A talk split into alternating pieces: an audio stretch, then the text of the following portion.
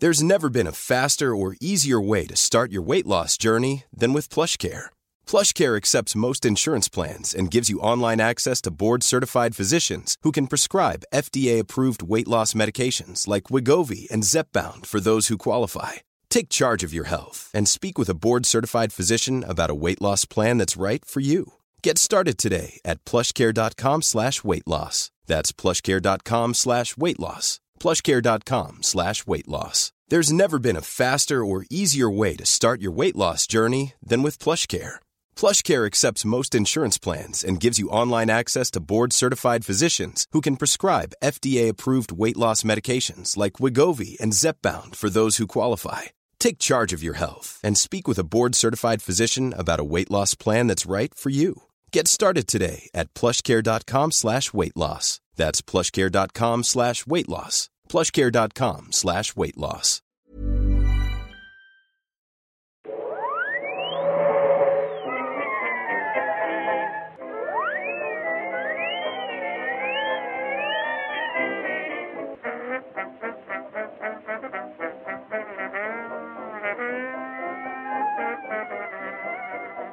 Då börjar jag bara.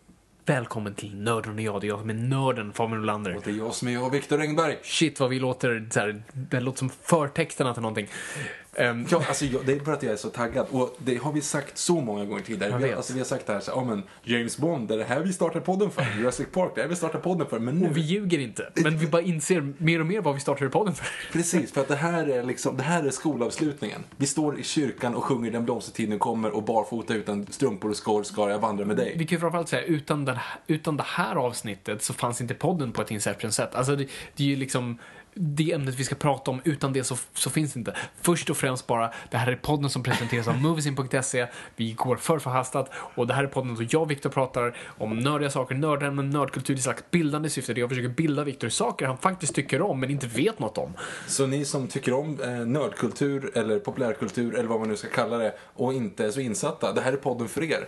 Dock så behöver det inte uteslutande vara så. För om du tycker om och vet saker så ja, fan, Då är det minst lika bra. Då kan ni relatera till mig, vilket är skönt om någon gör. Så att det, det är bara bra. Så att det är för alla. Det är det som är så bra med den här podden. Det är inte som, det är, vi är inte bara massa nördar som sitter och håller med varandra, utan vi är liksom, det här, är- det här är dynamik. Problemet är att jag kommer ju hålla med dig lite grann i Det den här kommer det, men vi kommer ha en intressant diskussion om saker. Vi kommer, vi kommer liksom öppna den här eh, liksom, sidorna bokstavligt talat som en lök och liksom verkligen andas in eh, och tolka sidorna ur vad som såklart är The Dark Knight Returns. Yes. serietidningen som förändrade en hel värld bokstavligen talat. Det här är Citizen Kane, det här är Catcher in the Rye, Det är allt. Great Gatsby, det är allt. Utvandrarna, Moby Dick.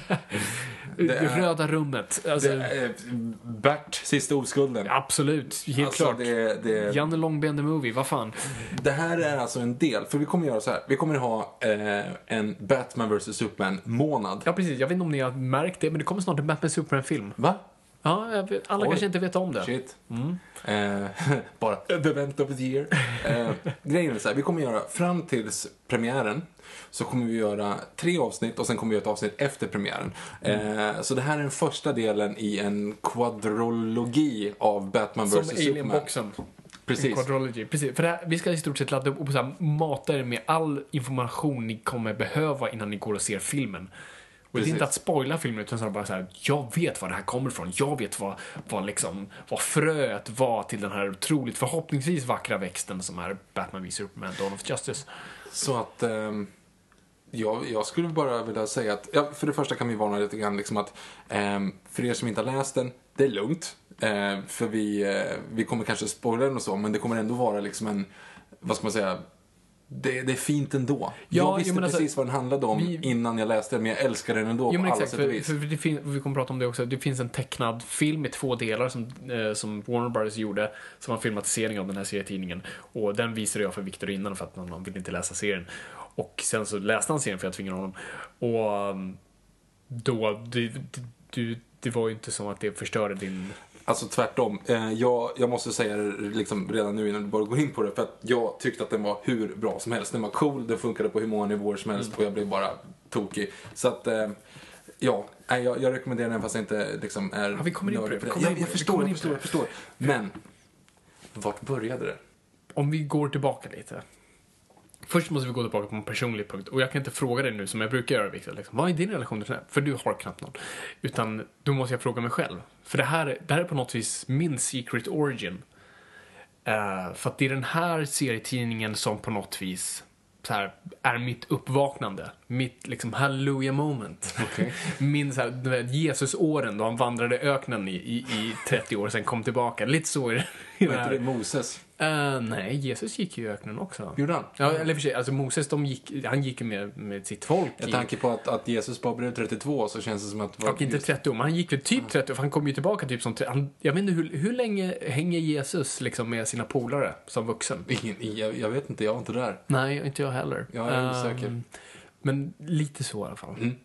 Men ja, alltså Moses gick ju... Hur länge gick Moses? Tok länge. Alltså, Typ så som här- 90 år, det var något så här Ja, konstigt. men någonting sånt. Han blev typ 180, någonting sånt. Mm. Men Jesus var ute i alla fall. För det är ju så här, Bibeln, du har ju så här, Jesus bebis. Jag tror Jesus kanske lite som pojke, jag vet Nej, inte. det finns ingenting, Nej, det finns ingenting, ingenting där. om det. Och sen är det ju bara tomt. Det är ju de här, och sen vet vi lite om att han gick i öknen och såg saker och sen kom han tillbaka. Ja, så kanske det var. Jag har missat de här ökenåren. Ja. Aj, jag, det är ju det jag menar. Det är Ja. mina, mina så, så det finns ju, det finns någonstans där jag, där jag får eh, de här presenterna av de tre vise männen. Eh, Myra och vad är det mer de får? Eh, Gud. Nej, inte Gud. ja. Alltså, nej, men, Ja, typ guld och skit. Den tiden för mig är typ Batman The Animated Series. myrra, guld och skit. Ja. Och sen har vi de här Jesusåren där ingenting händer. Men sen i alla fall, när, när jag kommer tillbaka som inte frälser. Vi har dragit det här för långt. eh, hur som helst, så här var det. Jag var allmänt Batman-fan, liksom från eh, Batman Anime Series, men jag hade inte läst några serietidningar. För det fanns inga riktiga. Det fanns ibland några så här små grejer och gick väl att köpa så här begagnade gamla. Men jag läste inte Batman som barn. Eh, Det fanns lite Spiderman och så, men jag läste främst Kalle Anka Company som vi båda gjorde. Ehm, men inte mer än så. Eh, så bara ett casual fan, men det fanns inget. Men sen runt 2005, då var jag runt 15. eh, då runt Batman Begins kommer ut. Mm. Så gör de en ny release på Burtons Batman på DVD. Jag tänker perfekt, jag har inte den, en ny extra material. Perfect, köper den. Och på den finns en fantastisk dokumentär om i stort sett Batmans historia. Det är verkligen, vill du lära dig om Batman, har du den DVDn, kolla på den, då, då får du liksom en perfekt grundkurs. Och jag såg den och bara såg all historia om Batman jag för det första inte hade någon aning om, men också missat. Och mitt i dokumentären så börjar de prata om så här, här kom grejen som förändrade Batman och världen. The Dark Knight Returns. Och jag totalt bara blev helt chockad av vad, vadå, finns, finns en serie, finns serie för vux, vuxna? Det, alltså jag hade totalt min, för jag var inte alls i serievärlden, så för första att det fanns serietidningar för vuxna men som var en Batman-story. Så jag tänkte, aha, för jag trodde alltid att Batman var för barn. Och att det var liksom Tim Burton som hade råkat göra det för vuxna för att göra det mer brett, men det var alltid för barn. Och Batman 66 och allt det där. Men det visade sig att det fanns serietidningar för vuxna människor. Och för mig. Och det finns en skitbra serie där ute som jag bara totalt missat. Så jag gick ut samma dag till en seriebutik eh, i Stockholm, som jag inte kommer ihåg vad den heter, med Odenplan. Eh, och köpte Dark Knight Returns och Batman Year One. Och gick hem och läste och sen var, sen var jag frälst där och då. Efter det blev jag liksom den serietidningsnörden jag är idag. Efter det var jag liksom totalt såld på Batman och bara läste allt efter det. Så tack vare den finns Noipod. I stort sett, nej men verkligen. Eh, jag läste den och det var... Alltså, jag minns verkligen den känslan av att bara läsa någonting som, var, som jag tror vissa kan få från typ, jag vet inte, Moby Dick eller alltså, no, liksom The Great Gatsby. Alltså en sån där alltså, litteraturmoment som var helt sådär sjuk för mig. Eh, och efter det, jag, jag läser den liksom kanske någon gång om året och den, den är på något vis så grunden för allt Batman. Och det ser vi alltså i alla serietidningar vi läser idag. Batman, allt har pläg, präglats av den. Du kan inte läsa en serietidning idag utan att någonting där går att hämta från Dark Knight Returns. Och det är därför det kommer vara svårt nu när vi pratar om det, och pratar om hur häftig Dark Knight Returns är. För att när man nämner vissa saker som vi kommer göra så kommer man, ah, men det är väl självklart. Men det är inte. Inte förrän den här serien görs så var det inte självklart. Den här öppnar upp allt. Alltså utan den här finns inte Nolans Dark Knight. The Burtons Batman finns inte heller. Kanske Schumachers eh, Batman finns utan det här. Men eh, allt annat är, är liksom borta. Mm. Så det är det. Kommer du ihåg någonting alltså från unga dagar då jag pratat om den här? serien. Säkert, men jag lyssnade ju inte så mycket. Det var, det var det här liksom, det var, det var Batman och Pink Floyd där som jag liksom bara, ja, ja, ja, ja låt han hållas liksom. Smile, smile and wave. Nej, jag, jag kommer inte ihåg den här. Så. Jag, alltså, jag hade inte hört talas om den förrän du visade den animerade filmen för Ja, mig. precis. Ja, det var ju rätt skönt. Då, Ja. För då kunde jag så här, visa vänner som inte skulle läsa den. Så här, ja, men kolla på det här i alla fall. För de gjorde, det måste vara 2011 va? De gjorde, 2012 tror jag. ja, då- vi såg den nog kanske för tre år sedan då. Alltså ish. Ja. Ehm, att de då hade egentligen, de har typ filmatiserat rutorna och gjort om lite grann självklart. Men, men då, jag tyckte att den var bra liksom.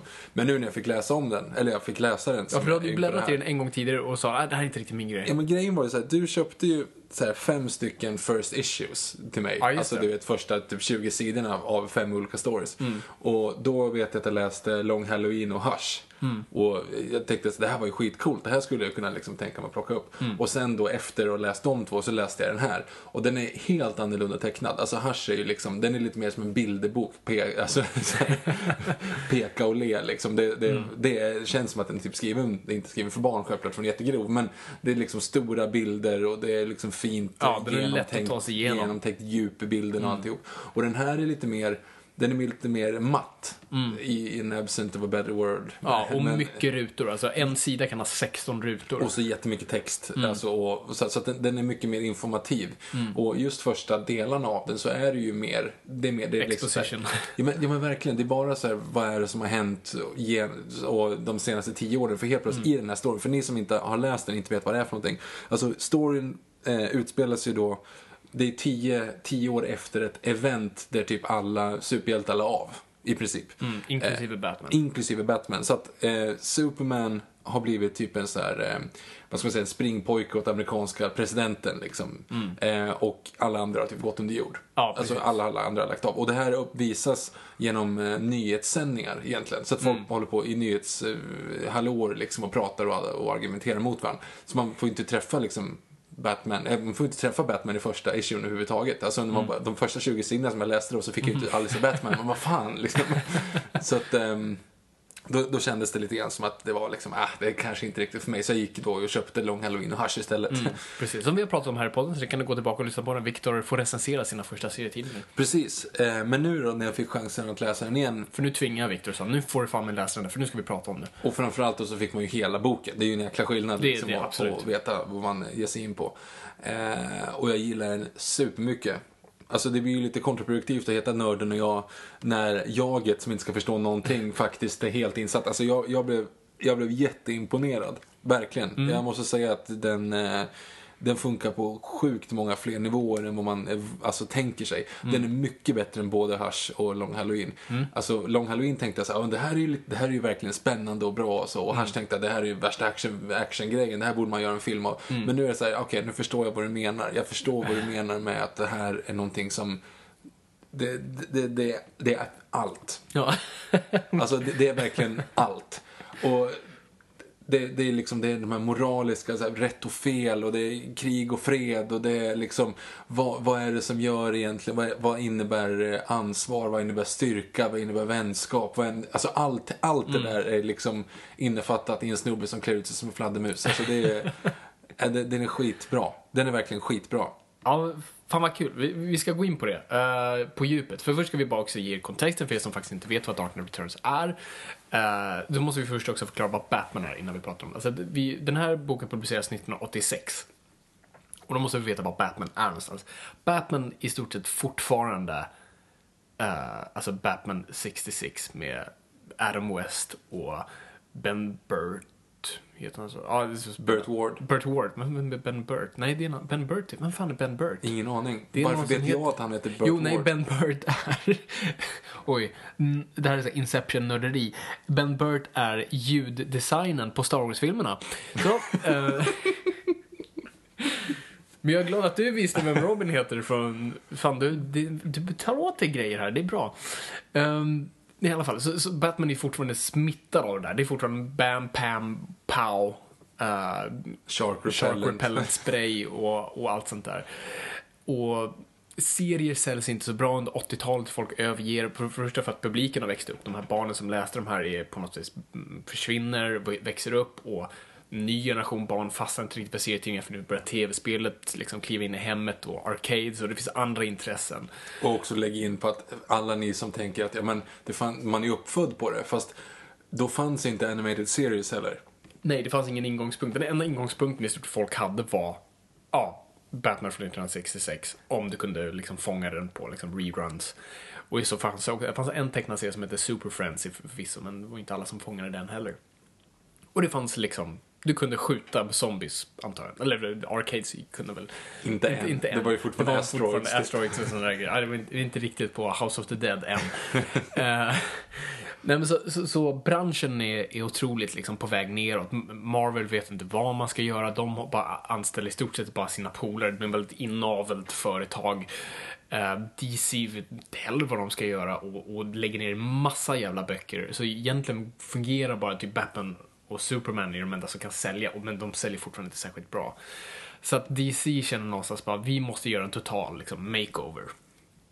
Vad kan vi göra? Jo, men de började kolla på vad man, kan- alltså heavy metal serietidningar. Heavy metal var en, var en serietidning som, som utgick från Storbritannien som var väldigt spacad och kunde berätta väldigt coola historier. Så de började anställa massa brittiska författare, alltså Alan Moore och Grant Morrison och Neil Gaiman och sådana där människor. Bara få in liksom nytt blod och, så här, och litterära författare då. Och bland annat Frank Miller som är typ den, en av de få liksom, autörerna i serietidningen som har varit och gjort Daredevil. Så för er som har lyssnat på vårt Daredevil-avsnitt pratar väldigt mycket om Frank Miller där han i stort sett formade Daredevil så som vi känner honom idag. Och tv-serien ni ser nu på Netflix är Frank Millers Daredevil. När kom den? När han gjorde den Ja. på 70-talet. Ja, så det är, det är okej, det är innan det här. alla fall. Ja. Alltså under 70-talet, han hade börjat liksom rita där, sen fick han ta över det och han gjorde det till liksom från en alltså, blind akrobat blev det liksom hardcore crime och film noir och så här supermörkt och väldigt mycket så här bildmetaforer som vi pratade om. Liksom, alltså första egentligen superhjältevåldtäkten äger rum fast i ett slags bildligt sätt. Vi ser inte våldtäkten men vi ser I den här kommer på riktigt. Ja, jo, precis. I Dark Knight Returns. Ehm, så han har gjort det där. Så, så eh, DC vill ha över honom och säger så här, kom till oss, du får göra vad du vill. Eh, vi, vi tänker inte sätta några liksom, speedbumps på dig, du får köra precis som du vill. Eh, så han gör första serien som heter Ronin, som är en slags samurai-inspirerad grej som inte är någon superhjälte, men som man gör för DC. Och sen så vill DC efter det i stort sett bara säga Frank, vill, du får göra Batman. Bara gör någonting med Batman. Gör det bara moget. Vi tänker inte liksom lägga oss i någonting. Bara gör någonting nytt och fräscht med Batman. Och det är ju saftigt att få nycklarna till det. Och bara, jag får göra vad fan jag vill. Eh, och han behöver inte förhålla sig till kontinuitet eller någonting. Eh, bara liksom, gör en Batman. Och han sitter och tänker på, okej, vad skulle jag göra med Batman? Och det första han tänker på, eh, han hade precis fyllt 30. Och han fick en stor åldersnoja och tänkte att jag är nu äldre än vad serietidningens Batman ska vara. Tydligen serietidningens Batman då var runt 28 tror jag, 28. 30. Och han gillar inte den tanken av Bat- nu är jag äldre än Batman. Så vad händer om jag gör Batman äldre än mig själv? Och så tänker jag, ah, men okej, hur gammal kan jag göra Batman? Och tänker, ah, men vad sägs om man gör Batman lika gammal som hans legend? Och då är ju Batman alltså, hur gammal är Batman då? Typ 55 år gammal, alltså i publiceringsår. Och jag tänker, gör Batman lika gammal som sin legend och vad skulle han vara som 55-åring? Och det är i stort sett där det är. Så han släpp, det är fyra issues, fyra tjocka issues i premiumformat. Eh, som släpps. Och när den eh, släpps liksom vänder upp och ner på hela branschen. Eh, Rolling Stone skriver en artikel om den. Och den säljer helt fantastiskt. Och under samma år kommer Watchmen också. Bra Alan år för så. serietidningarna. Ganska alltså. bra. Och jag tror Arkham Asylum också, Grant Morrisons. Och sen Mouse på Independent-fronten. Så det är ett väldigt stort år för serietidningar överlag. Vänder upp och ner på allt. Och ja, den säljer som smör i solsken. Alltså det är, det är helt sjukt vad den säljer bra. Och det blir en helt ny grej. Och folk börjar titta på serietidningar och komma tillbaka. Och nu kan äldre liksom köpa. För det här var inte för barn. Som du säkert har märkt. Nej, det var det absolut inte. Så, nej, men så det, det är så den kom till. Och, och sen nu, nu har vi, vi läst den helt enkelt. Precis. Ja, för er som inte har läst den nu, som sagt, så, som du Ja, just sa. det, storyn kanske vi ska, vi ska Ja, dra ja lite precis. Men, simpelt. men grejen är ju, är ju liksom, för er, för er som inte har läst det, så var inte oroliga för att vi spoilar. För att Mm. alltså, det, det handlar inte om det. Det handlar inte om vad som händer eller inte händer. Vi kommer att totalspoila den. Men jag menar, även om du inte har läst den så, så skitsamma. Ja. Lyssna Nej, och det- sen läs den ändå. det För det handlar du, inte om Victor- storyn. Nej, precis. För du, som sagt, du hade ju sett den animerade versionen som är hela storyn. Mm. Precis. Men du får ju inte ens hälften Nej, från det. nej, precis. För att det handlar, det, är så mycket under den som, Ja. som, som för det som visas liksom. Mm. nej, för storyn är ju, eh, i, då, kort draget då, liksom att eh, för tio år sedan så, så typ stängdes superhjältar ner. Liksom. De förbjöds. Eh, ja, precis. Eh, eh, Wonder Woman åkte hem. Eh, och eh, alla liksom- åkte ut i rymden. Precis, alla stack. Och Superman är ju kvar då som sagt som en, som en gimmick eller nickidocka till armén. knähund. Eh, och sen så då eh, Batman och Green Arrow har ju bara lagt av liksom. Ja, precis. Eh. Green Arrow fick sin arm avsliten för att Ja. han vägrade sluta. Av Superman va? Ja, precis. Eh, Så han kan ju inte skjuta pilbågar. Också, ba- bara också tillägga varför Batman verkligen lagt av är för att Jason Todd, alltså den andra Robin, dog Mm. I en fight. Så då har han totalt lagt ner. Precis. Och då så, eh, så följ, möter man Bruce som är liksom, ja men, man ska säga deprimerad. Deprimerad, han super och vill i stort sett dö. Mm. Han, han, han är besatt av tanken vad som skulle kunna vara en bra död. Från honom. Så vid första scenen är ju, han kör eh, racerbil helt enkelt, Mm. Formel 1 eller något sånt där. Och i stort sett går emot alla regler och kontro- eh, kontrolltornet och alltihop och vill bara i stort sett köra bilen. Mm. Men bi- bilen börjar brinna och istället för att lägga av så fortsätter han för att han vill gå över mållinjen även trots att bilen brinner och att han liksom blir helt så Och där börjar liksom mantrat “This would be a good death”. Precis. Ehm, han klarar sig såklart. Men det är här, men i den här då depressionen så börjar, har världen börjat i stort förfalla runt omkring honom.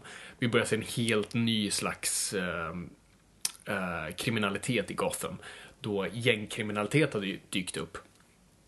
Eh, I form av några som kallar sig själva The Mutants, som är ett slags gäng. Alltså det är väldigt såhär Clockwork Orange nästan, såhär ultravåld. Alltså det finns inget, de, eh, de är helt random, det finns ingen logik till vad de gör. De mördar, våldtar, alltså rånar, de bara gör allt möjligt. Japp. Och, och är liksom tunt spridda överallt, som ett virus i stan. Eh, och samtidigt försöker typ Gotham på ytan försöka fixa saker för att få allt att se bra. Till exempel Two-Face har de eh, försökt fixa nu på Arkham Asylum som nu inte är för the mentally eh, disturbed utan nu är det för the emotionally eh, challenged. Ja, precis. Som allting ska bara vara fint. Allt är superfint. Så de har opererat, så här, skönhetsopererat Harvey Dent då, till att båda sidorna är nu liksom normala. Och sådana där grejer. Försöker polera allt på ytan. Eh, men såklart så går inte riktigt som tänkt för att du kan inte fixa en persons yttre och tro att det är inre. Så Two-Face eh, i stort sett kliver fram igen som en brottsling. Grejen är att han blir ju insåld. Alltså man ser ju alla de här tv-sändningarna Mm. man liksom så här, nu är Harvey Dent är botad och han går omkring och får liksom typ, typ nycklarna till staden nästan. Mm, liksom. precis. Och allting är så bra, allting är så bra. Så skickar de ut honom och så går det åt helvete ändå liksom. Precis.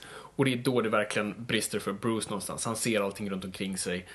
Eh, och särskilt när hans ga- både gamla vän, som han hade liksom älskat och litat på, eh, liksom försvinner ut, men också allt annat som händer, så kan på något vis Batman är som en, en separat personlighet. Han- Det är en personlighetsklyvning i den här boken i stort sett. Man, han hör hur Batman i stort sett kallar fram, försöker kalla fram sig själv i honom. Och de här fladdermössorna kommer, eller så så här eh, illusioner, eller vad man ska säga, Ja. vidskepliga grejer av eh, fladdermöss liksom överallt. Han ser fladdermöss vart han Mm. än går och såna grejer. Och det finns en fantastisk scen. eh, För att under hela första akten så har han en mustasch, vilket är ganska tydligt. Han har liksom lagt mm, kappan på hyllan. Och mitt i natten vaknar han upp att han står i grottan. Och Alfred som är typ 105 är fortfarande kvar. Eh, och säger liksom, "Mm, fan måste Bruce, jag har gått i sömnen. Liksom, kom och gå och lägg dig. Och sen när han vänder sig om så säger han, Bruce, what happened to your mustache? Och då är hans mustasch borta. Och Bruce vet inte varför den är borta. Nej, liksom. man ser bara att han, alltså det är också så här, han tar upp handen och så vidgas ögonen och så byter de scen liksom. Mm. Precis, han har rakat utan att veta om det. Och ja, i stort sett så, ut ur det så tvingas Batman ut. Och börjar i stort sett... Ska Sparkar röv. sparkar över något ordentligt. Han är hårdare än någonsin. Han bryr sig inte längre om något. För han, han vill i stort sett inte leva. Så att han bryr sig inte om något längre. Han, fortfarande, han, ska inte, han ska inte döda, det är det enda. Och ja, annars så spelar det ingen roll. För att han är i stort sett bete sig som han vill. Där är ju också en väldigt stor, de scenerna där man ser Batman första gången, den här splash-pagen Ja, på när han precis. syns första gången. Då är det ju precis taget, för man, man satt där och log när man läste den, för att det är ju från Nolans eh, Dark Knight Rises. Mm. Där när de sitter, polisbilarna som sitter i bilen där liksom, och Mm. den unga polismannen och den äldre polismannen, den unga säger ungefär så Va, Batman? Jag trodde bara att det var en myt. Mm. Och då säger en stor, man ser liksom exalteringen i, på den äldre, bara, oh, Mm. you're in for a treat kid. När han liksom börjar följa efter honom. Det är ju direkt taget då. Och det är som fantastisk scen när den splashbasen när Batman hoppar liksom genom regnet i luften och säger i stort sett liksom I'm young, again, I'm 30, I'm 20. Och så the rain on my chest is like a bat, baptism. liksom, han döps på nytt, liksom, I'm reborn som han säger. Och så hoppar han i stort sett på en bil. och är väldigt grov mot de som sitter där. Men, men om, vi, om vi kollar bara på, på liksom hur, hur de sätter upp den här storyn. För i, i stort sett allting berättas ju, all exposition vi får, är det som du nämnde tidigare, är via de här nyhetssändningarna. Precis. Allting berättas hela tiden ur en nästan vinklad media och allting pratas på ett väldigt objektivt plan och på ett väldigt så här Colgate-vitt sätt. Och hela tiden så beskrivs allting av de här då. Och Batman är hela tiden en karaktär som beskrivs och hela tiden döms och, och, och på något vis alltid kommenterad, även om han själv. Batman kommenterar sig själv på ett visst sätt, så vi får aldrig en konkret bild av vad Batman är. Utan vi får alltid olika versioner. Vissa pratar om att Batman är bra på grund av det här, nej, Batman är sämst. För det är tv-debatter som pågår hela tiden. Lana Lang från Smallville den som är för Batman. Och, och sen har de alla de andra som är emot, i stort sett alla är emot Batman.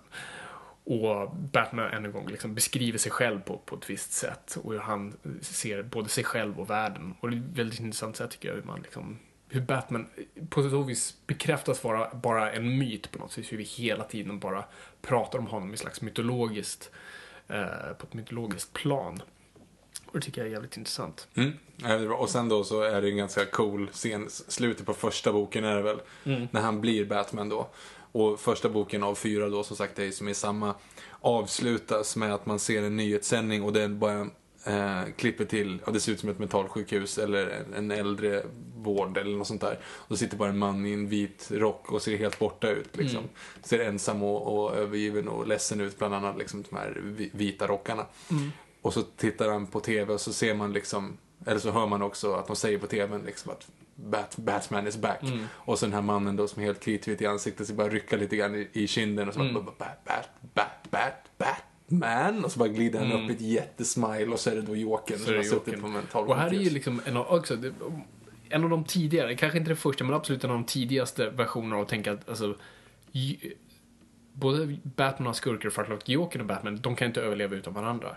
Man ser att Batman var borta, så då, Jokern har ju inte dött, utan Jokern har ju bara totalt gått i en depression. Han sitter på Arkham Asylum, de typ byter blöja på honom. Alltså, han är helt apatisk.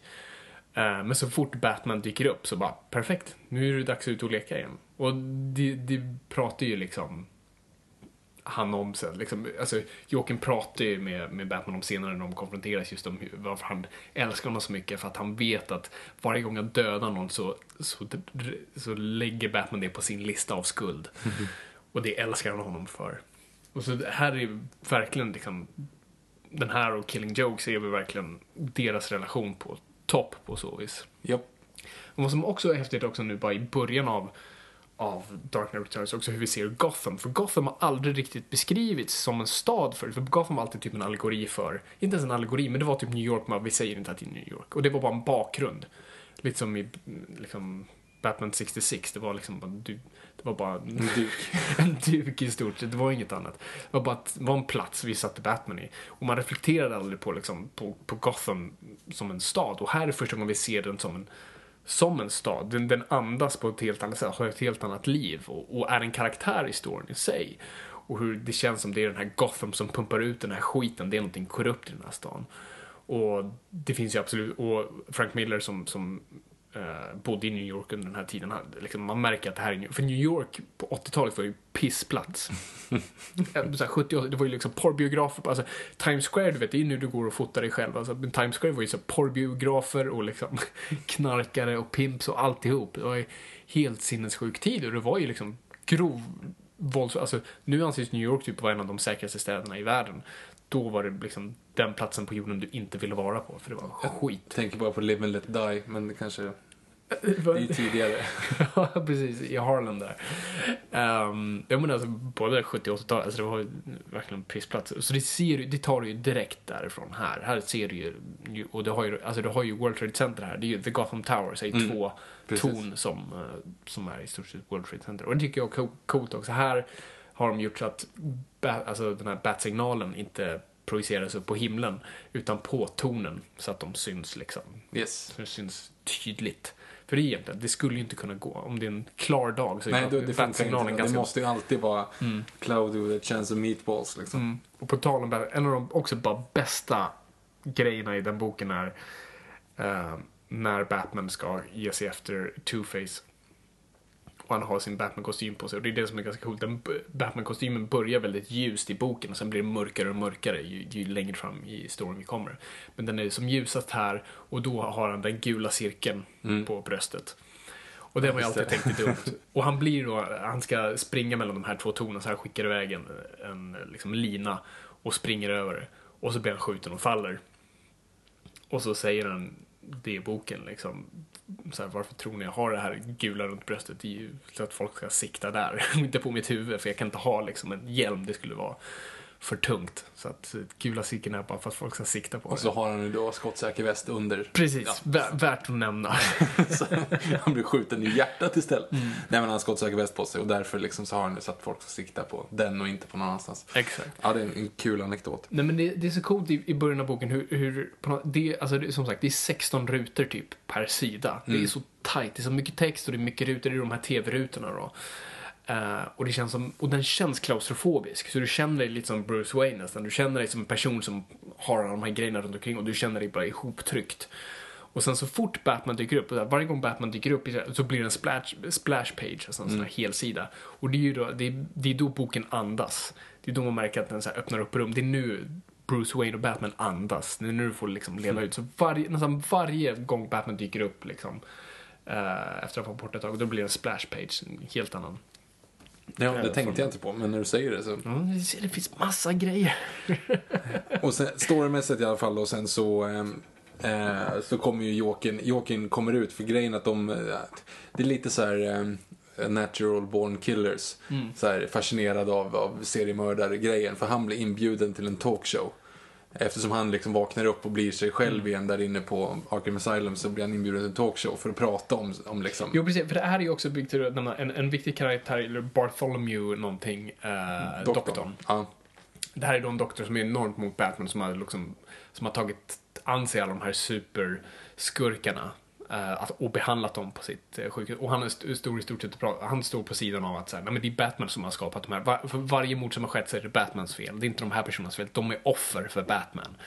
Det här är liksom stackars människor. Och det är också hur han pratar om liksom, hur vi gillar att måla upp liksom skurkar som offer, alltså de här, värsta mördarna. Och det är det jag tycker är så coolt med den här boken, för den pratar om saker som även idag, alltså bara nu som, bara senast fick man att tänka på det, liksom, polischefen som gick nu ut och pratade mer om hur synd det var om mördaren än offret.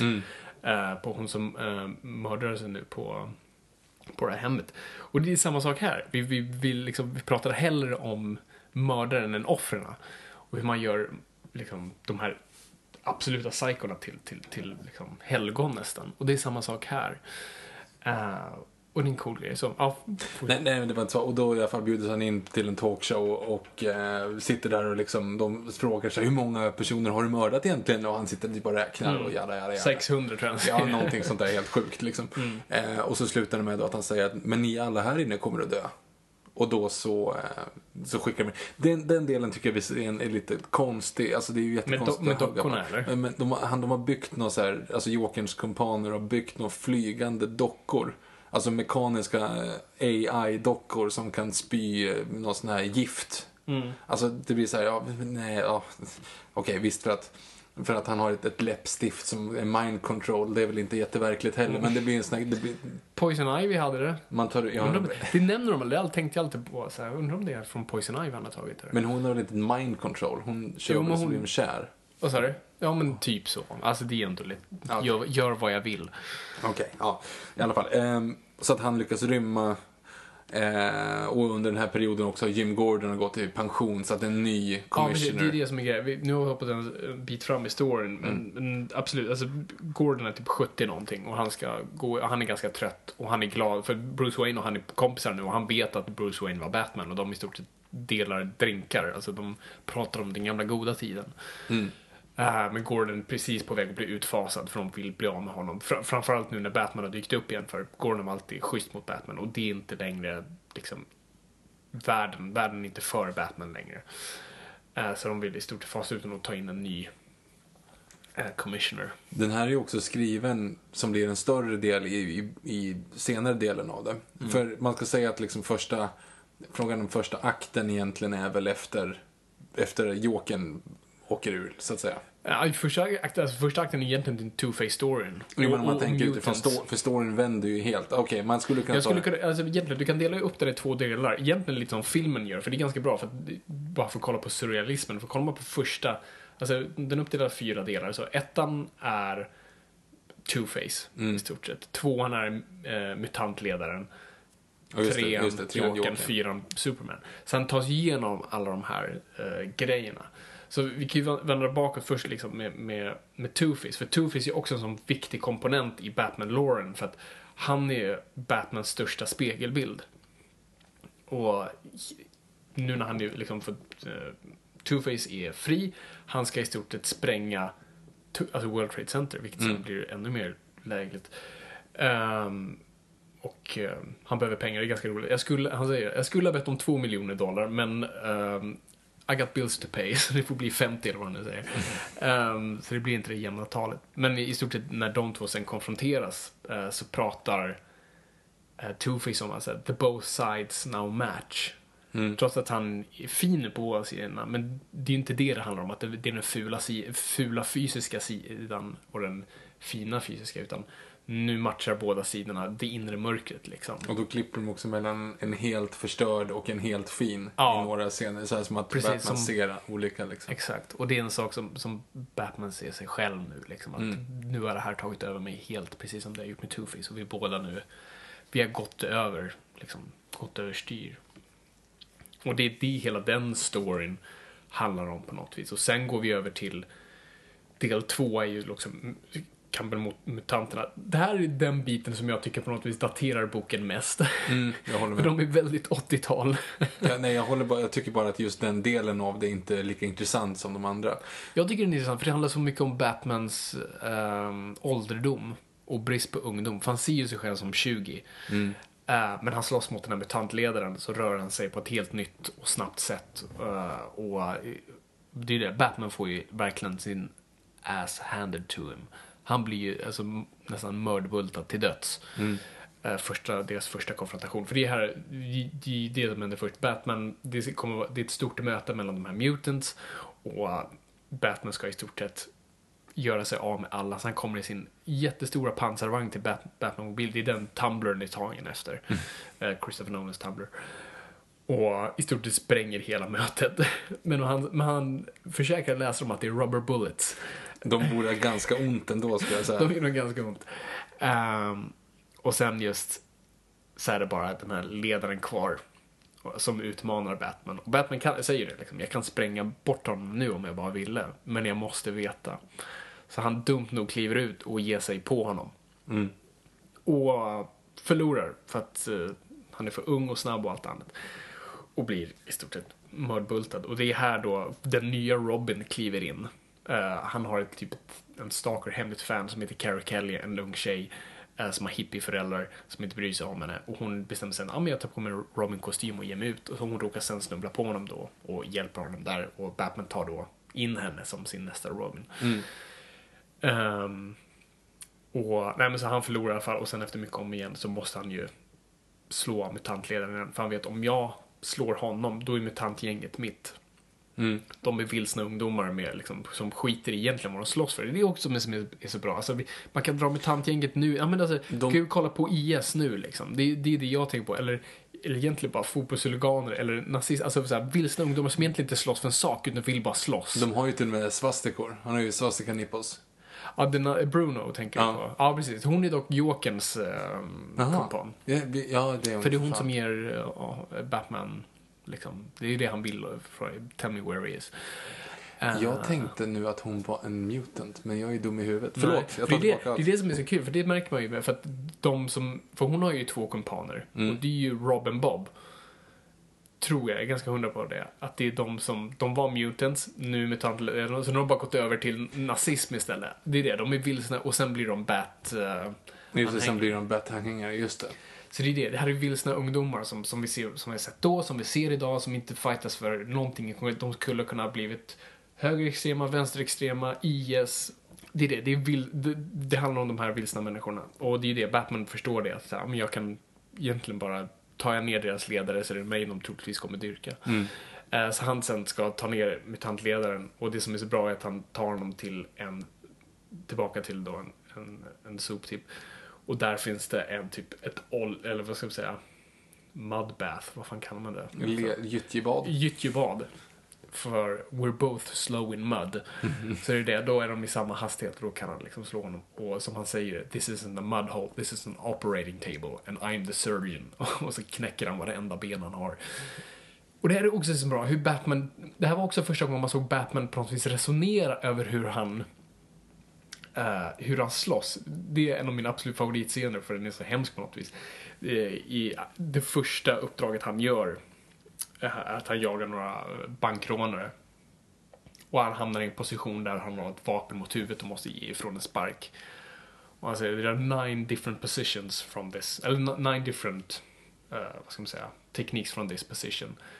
Eh, six of them kill, eh, two of them paralyzes, one hurt. Och så, och så är det den. Och snubben bara ligger och skriker och stort sett ber för sitt liv för den bara liksom, han har krossat bäckbenet på honom. Vad fan är det sådär. Och som polisen då skriker han, You just crippled that man. He'll live, he'll walk again. But you stay scared, won't you punk? och snubben bara, oh, glad. Gråter i stort sett. Och det är det jag gillar, hur han hela tiden resonerar med liksom tekniken han använder som är inte direkt ortodoxa. Och det är också det som ger lite så här hinten till att det han, han kan spöa vem som helst. Wink, wink. Mm. Alltså att man utnyttjar en ny, alla situationer till sin egen fördel helt Ja, enkelt. och det handlar hela tiden, alltså brains before bronze. Alltså, Mm. som, än en gång, alltså varför man tar mutantleden till leran är inte för att slå honom fysiskt, utan liksom, jag har överlistat dig nu, nu är vi på samma mark bokstavligt talat. Bara sådana grejer. Um, nej men så han, han vinner ju sen såklart över mutant, och då lyckas han, då, då blir de här mutanterna typ så här Son of the Batman. Mm. Och, Fortfarande inte säkert. De, nu, så nu går de runt istället och mördar skurkar. Ja, de liksom missförstår grejen. För de, de är inte direkt anhängare till Batman utan de, de, nu har de bara målat sig själva liksom, i Bat-symboler och sånt där och går runt och mördar skurkar. Så det är också det, de är inte intresserade av pengar eller vad fan det är. De vill bara liksom bråka. Så nu går de och, istället för att mörda liksom går de och mördar bankrånare. mm. Och det blir ju också stu- större press på Batman då för att hela samhället börjar liksom Jag tror att det är han som befaller. Jo men exakt, och, och samhället vill att det ska vara hans fel. Det är det som är så coolt. He- Allting handlar hela tiden om samhället, hur du, liksom, hur du bygger upp en, en, en slags court case mot honom och det, hur det till slut liksom tar in presidenten. Men det är det som är så bra. Det, det är som fantastiskt bara samhällsspegling på så vis också. Hur, hur liksom alla, alla hela tiden pratar om problem utan att göra någonting. Alla sitter i talkshows, president pratar, liksom, alla, alla personer i makt pratar. Det, hela den här boken är en studie i makt på ett eller annat Japp. sätt. Eh, och det här är människor som, alltså, i byråkratier och i, i staten som inte, de gör inte ett piss. De bara sitter där och pratar om problem. Det finns en jättebra scen där de frågar presidenten så här, ja men du, vad tänker du göra om Batman? Ja men du, det här är på statnivå, det är inte min grej. Ni har en, det finns en jättebra guvernör i staten där Gotham finns och så klipper man till guvernören bara, ja, det är inte riktigt min problem. Vi har en jättebra borgmästare i i Gotham som vet exakt vad de gör. Så klipper man till borgmästaren. Ah, det, vi har en jättebra ny commissioner på det här som vet exakt vad hon gör. Du vet, alla bara liksom hela tiden dumpar problemen och vi ser också typ när alltså guvernören och, och borgmästaren sitter i en bastu och pratar om liksom hur de ska lösa problemen med Batman och, och du vet hur, hur kan vi ha, inte den bästa commissionern utan den typ som kan se bäst ut rent liksom, löpmässigt. Så att det är bara hela tiden sådana där grejer. Så det, det är ju på så mycket stort politiskt plan. Mm. Eh, och Batman är den enda som vågar vara aktiv och göra någonting och de andra bara sitter och liksom pratar om det hela tiden. Precis. Det som är fascinerande. Och så är det ju också, den utspelar ju sig i eh, värsta kalla kriget. Den skrevs ju under en, en kalla kriget-period liksom. Kanske inte värsta för det är ju 80-tal, men ändå, det var ju ändå kalla kriget var ju på tapeten på riktigt. Absolut. Eh, och Reagan är ju president i den här. Jo, exakt. För att det ska typ vara en sån här semi-framtidsvision så är det ändå Reagan. Mm, precis. Eh, och, så- samma som i Watchmen också, fast då han blev omvald. Jo, jo precis. Eller är, inte Nixon Nej, det är, i... Det är Nixon kanske Tror du det är förresten. Nixon i Watchmen nu? För han är ju omvald. Ja, det är Nixon. Han är Det- ja, han är omvald omvald. Precis, han är ju i stort sett en diktator. Det är det som är så kul att läsa Watchmen och den här, för det är i stort sett egentligen också bara samma story. Så outlaws som är nu liksom masker och Eh, och så hela kalla kriget-biten som också handlar om i stort sett atomkrig är hotet. Och det är det Precis. det handlar om här också. För det, det är också det som utspelar sig typ under allt det här är att Sovjet har eh, börjat ta över en ö i Sydamerika som heter Corto Maltese. Som är en fiktiv som jag tror ska vara typ Kuba. Ja, det är någon, någonting sånt där ju. Ja. Eh, Ja, för något. Och vid den här tidpunkten, för det var väl då Sovjet gick in i Afghanistan va? ja, det är Och då blev det ju liksom ganska hett om öronen igen. Och det, det, det tar ju också Watchmen upp. Watchmen upp tar ju bokstavligt talat upp Afghanistan. Här tar man Corto Maltese istället. Så det är jättespänd stämning och det pratas om liksom, kärnvapenkrig hela tiden. Så hela det ligger och bubblar under och hur Reagan i stort sett bara pratar bort allt sånt där och är verkligen det här man säga, actor president, alltså den som han var. Liksom. Ja, sitter, ja, sitter där och, och, och ler och säger vi ska göra. Så sen så skickar han ju bara Superman på dem istället. Ja, precis. Och det är, det är första gången man ser, i alla fall jag såg, och Mm. man fick en lite så här mindfuck av att eh, Superman åker omkring för amerikanska armén. Ja, liksom precis. spränger hangarfartyg med sin eh, supervision och Mm. eh, så här, slår sönder flygplan i luften och Ja, så här, precis. kastar grejer dö, dödar människor. Alltså Absolut. verkligen. Och springer längst fram i ledet liksom Mm. när de går in på stranden, amerikanska armén. Ja, det, är det, det är därför, många, det måste jag komma ihåg, Superman-fans hatar den här boken. För att Superman verkligen porträtteras som en riktigt jävla asshole. Eh, Fast han gör ju egentligen inte det. Alltså om man tänker att han är ju bara, han, han följer ju bara liksom the, the American way. Jo, precis. Alltså, Det är ju Superman, och det är det som är så här, poängen med Superman ska ju inte vara det. Superman lever ju under sin egen moral. Han Mm. var ju, alltså på 40-talet var det ju liksom a truth just and the American way. Eh, men, men han stod alltid över det. Han var aldrig, han var aldrig alltså, liksom, i regeringen. Han stod för de amerikanska idealen. Mm. Men inte för de idealen som var populära just då. Utan så här, nej men jag går över. Och det är det som är så bra med Superman. Superman har alltid den perfekta moraliska kompassen oavsett vad. Och det är det som gör honom så himla bra på så vis. Alltså, Alla hans val är alltid rätt. Men vad händer om hans definition av rätt blev det som är presidentens? Jo men precis, för det är ju det till det. Okej, då, då köper jag, då kanske inte riktigt rakt så. Men jag tänkte liksom att han, han var ju liksom the Star Spangled Banner way. Så att man fick Jo men det är ju här... Superman goes bad utan att, inte bad som är ond utan goes bad, alltså när idealen blir Badass. fel. Ja, jo men, jo, men verkligen. Ja, men, nej, men, och det, det är ju så att om man ska tänka utifrån vad som är rätt för USA, då måste det ju vara presidentens vilja. Alltså om man Jo, men- tänker den enkla, enkla versionen av det. Och det har ju det som har blivit nu. Så han, åker, ju- han är ju liksom en krigsmaskin.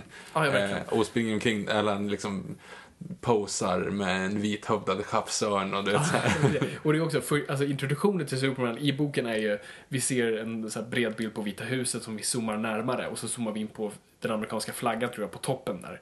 Och vi ser allt närmare hur den så fladdrar och så pass nära att vi kommer till alltså de röda vita linjerna. Och de formar sig långsamt som en, i stort sett Superman-logga och sen så klipper vi då till Superman inne i Vita huset då, med hans logga på bröstet. Och man ser då där, det, det är som bra, liksom, bara de bilderna så förstår vi exakt vad Superman står för. Han är ju Amer- Amerikas krigsmakt. Alltså Ja, om, man, om man, eller om man tänker utifrån allegorin på den liksom. Jo, men som Nick, eller inte Nick, som, som Reagan säger i boken, liksom, we got God on our side. Ja, precis. ja eller så oh we got the next, next best thing. Mm. Precis, så det är liksom, det är deras definition, de har liksom, det är, då, det är så det, det är på något sätt rättfärdiga till de gör. För vi har ju Gud, vi har ju vår version av Gud. Och det är samma sak som Watchmen har exakt samma grej fast med Dr. Manhattan. Precis. eh, som är deras Gud. Så det, det, det är exakt samma liksom, allegorier där.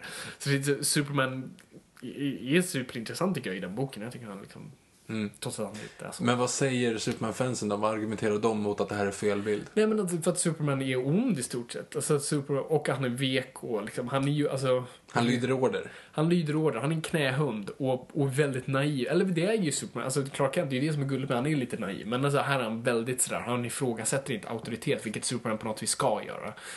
Eh, han ska vara helt fristående från allt vi kallar liksom politik och, och, och sidor och så. Så att när de två pratar, för Bruce Wayne och, och Superman träffas sen som Clark Kent och, och, och Bruce.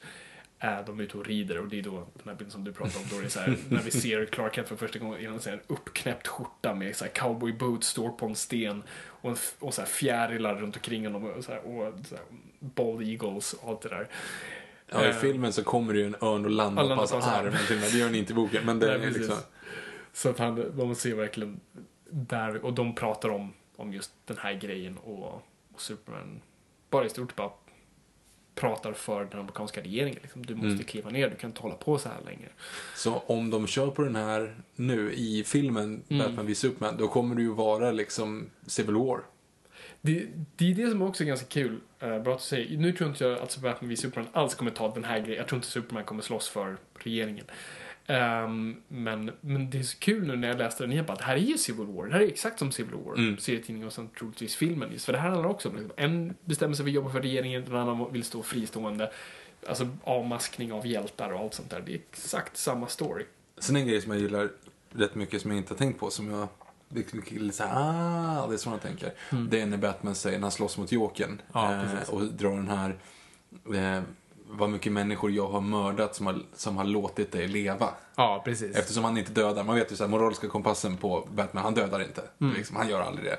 Och, och då så när han in, kommer till den insikten då att jag har ju mördat, jag har ju mördat människor genom att inte mörda Jokern. Ja, precis. Jag, liksom, min moraliska kompass har i stort sett orsakat mer illdåd än om jag hade brutit den. Precis, det hade varit bättre att bara cool, bryta nacken av Mm. honom i första, första serien från 1930 liksom. Precis. 1943. Men det är det som är grejen med Batman. För han vet ju om jag kliver över den tröskeln då allt jag står för förstörs. Liksom. Precis. Och det är det vi ser. Det är det jag tycker är så bra. Eh, I den, när han tänker det, när, vi, Mm. eh, när de tankarna dyker upp, för det är när de är på en sån här nöjespark. Jokern har precis förgiftat skithemskt, helt såhär eh, pojkscout lag så att säga. Han gav ut liksom sockervadd till dem och alla bara dog. Skithemskt. Och han tänker de här grejerna. Och, varje gång Jokern dödar en person så ser vi bara en ruta en flashback till stunden Bruce Wayne Alltså, eh, liksom, pojken Bruce Wayne ser att hans farsa blivit skjuten. Och man ser den här blicken. Och han, det är det han tänker tillbaka på hela tiden. Liksom. Var, varje sån död påminner honom om det. Precis. För han känner sig skyldig för hans föräldrars död. Och likaså varenda död efter det. Och det är där vi ser också hur, liksom, hur hela tiden psykologiskt utspelar. Han, uh, hela tiden, det är hans mantra hela tiden. Liksom, de dog på grund av mig, de dog på grund av mig, de dog på grund av mig. Och det är ganska coolt. Kommer tillbaka till Jokern, men den, vi får se en flashback kvällen han blir Batman på dagen, den kvällen hans föräldrar dör. Och vi ser det bara ur Bruce, inte synvinkel, men, vi, för men ska jag säga, den fiktiva kameran är bara fokuserad på Bruce och pistolen, ingenting annat. Så vi ser det via hans fars hand för det första, på hans axel. Hur den först är lugn och sen kliver framför honom. Sen greppar tag i honom och släpper. Och sen ser vi pistolen. Vi ser pärlorna som där, det är där, alltså de här väldigt kända pärlorna som, som Martha Wayne har, kommer härifrån. Hur, liksom hur vapnet... Han, han sa pärlor och inte Pär- päron. Nej, Bara- pärlor. Eh, och hur pistolen hamnar under pärlorna eh, för att ska rycka loss dem. Men går inte sen det riktar vapnet mot halsen på henne i stort sett och, och skjuter henne. Men, men hela den scenen är i stort sett bara fixerad på Bruce Waynes blick och det är där vi ser. Det, det är bara det vi behöver se. Vi behöver inte se när de skjuts och liksom hur det ser ut. Det är bara utifrån Bruce Wayne. Och det är den rutan som alltid kommer tillbaka. Blicken på honom när, när hans farsas hand griper tag i honom. Eh, För han säger liksom skottet, skottet som exploderar i min fars bröst. Den chocken känner jag ut i hans fingrar som greppar tag i mig. Alltså du vet, det är så himla bara grovt hur han beskriver det liksom. Han fortfarande känner det. Och det är då också, ja ni får ju läsa boken, men då kommer det till en uppgörelse i, på ett nöjesfält där när, eh, när Jokern då bara går en riktig killing spree. Han bara hoppar in i kärlekstunneln och, och Ja, knäpper f- folk med en pistol. Ja, liksom. precis. Låt som att blöda i vattnet. Riktigt grovt, riktigt grovt där också. Jo, men Jokern har ju gått helt mayhem. Ja, jag tror han, han måste döda typ 300 pers i den här. Ja, definitivt. Om En hel mer. studiopublik och sen då på det här nöjesfältet. Och Mm. då är det massa, han misslyckas med, han planterar en bomb i en berg och dalbana som Robin lyckas ta bort och du vet, massa Mm.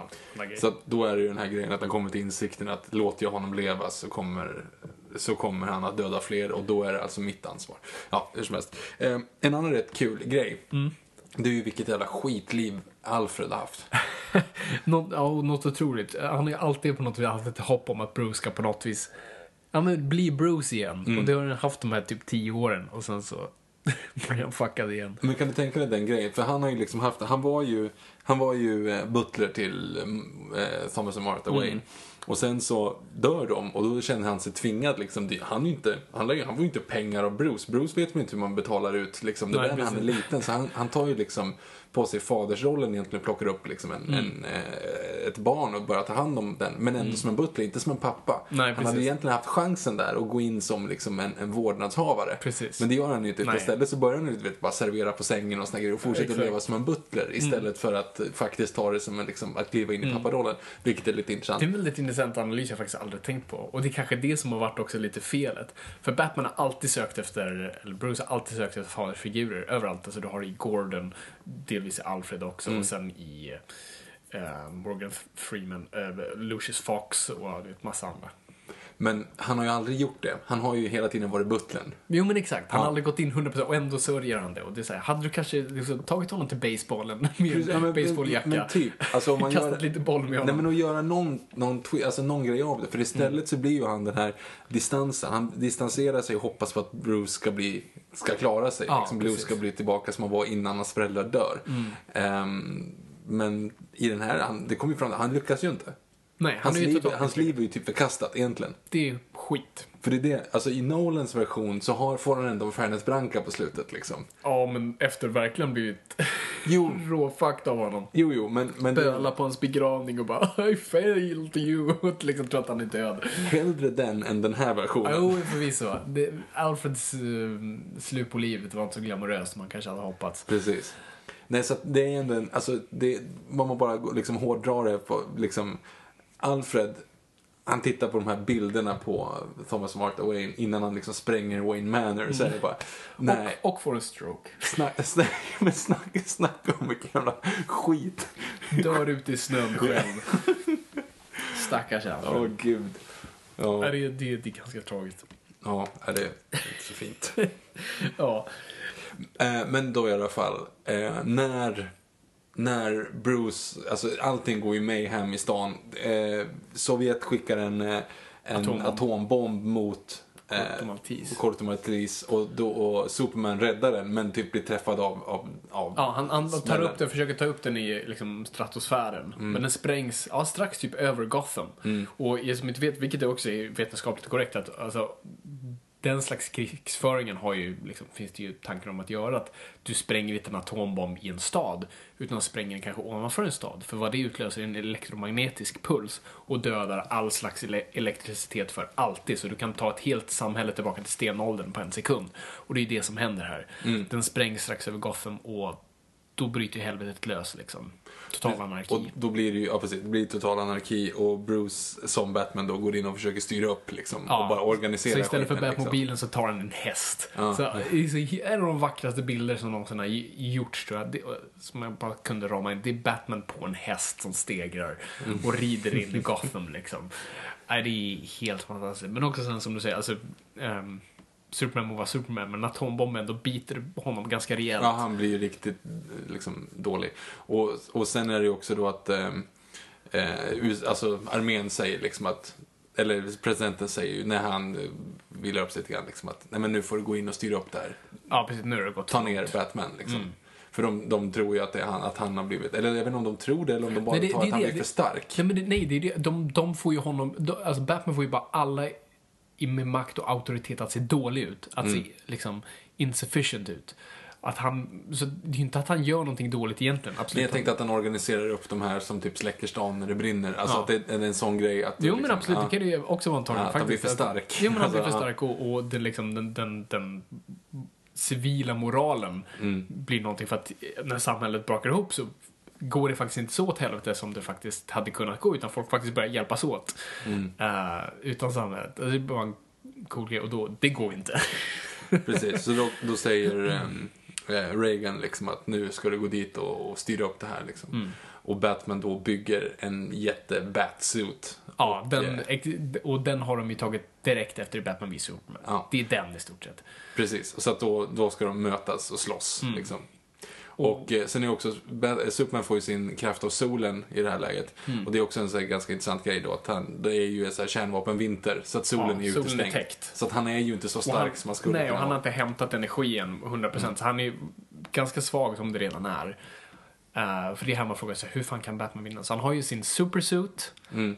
Superman är försvagad, och han tar in Oliver Queen, alltså Green Arrow, Mm. eh, som bara med en arm får skjuta en kryptonitpil med liksom så här kryptonitpulver som han andas in. Den är, den är mycket snyggare i filmen dock än vad den är i boken. För när den kommer, han, eh, Green Arrow skjuter ju en pil Mm. mot eh, Superman. Som vänder sig om bara hugger tag i den i luften. Mm. Han fångar pilen framför sitt direkt ansikte. Men när han gör det så, liksom, så är det som en liten, som en liten ampull som Mm. puff, så här, och skickar ut kryptonit i ansiktet på honom. Det syns ju inte på samma sätt i boken. Nej, det, är så extremt snyggt att han så här, haha, och så bara går puff, så kommer den där puffen ändå. Liksom. Precis, och- det var tanken från första början. Så det är ju det, alltså Superman är enormt försvagad. Eh, och Bruce är då, har den här supersuiten som är inkopplad i liksom hela strömsystemet för staden. Eh, och de, de har fighten i Crime Alley vid en lyktstolpe när hans föräldrar dog. Eh, och det är här fighten in, inleds. Och det här också, den här fighten är inte, och som jag pratade om tidigare i podden, liksom, dramaturgiskt, allting måste ha en mening någonstans. Och här är inte bara, åh, cool fight mellan Batman och Superman, men hela den här storyn handlar i stort sett om en man som slåss mot sin egen dödlighet. För det här är en person som vill någonstans dö. Ehm, och det, det är det som liksom och samtidigt någonstans i och med storyn inte vill det. Liksom, försöker man någonstans hitta sin mänsklighet och sitt liv igen. Och, och han slåss, in- så i och med att han slåss mot Superman, det är inte Superman han slåss mot, det är ju sig själv. Och sitt hjärta och liksom hela sin hälsa. When you're ready to pop the question, the last thing you want to do is second guess the ring. At Bluenile.com, you can design a one of a kind ring with the ease and convenience of shopping online. Choose your diamond and setting. When you find the one, you'll get it delivered right to your door. Go to Bluenile.com and use promo code LISTEN to get $50 off your purchase of $500 or more. That's code LISTEN at Bluenile.com for $50 off your purchase. Bluenile.com code LISTEN. Planning for your next trip?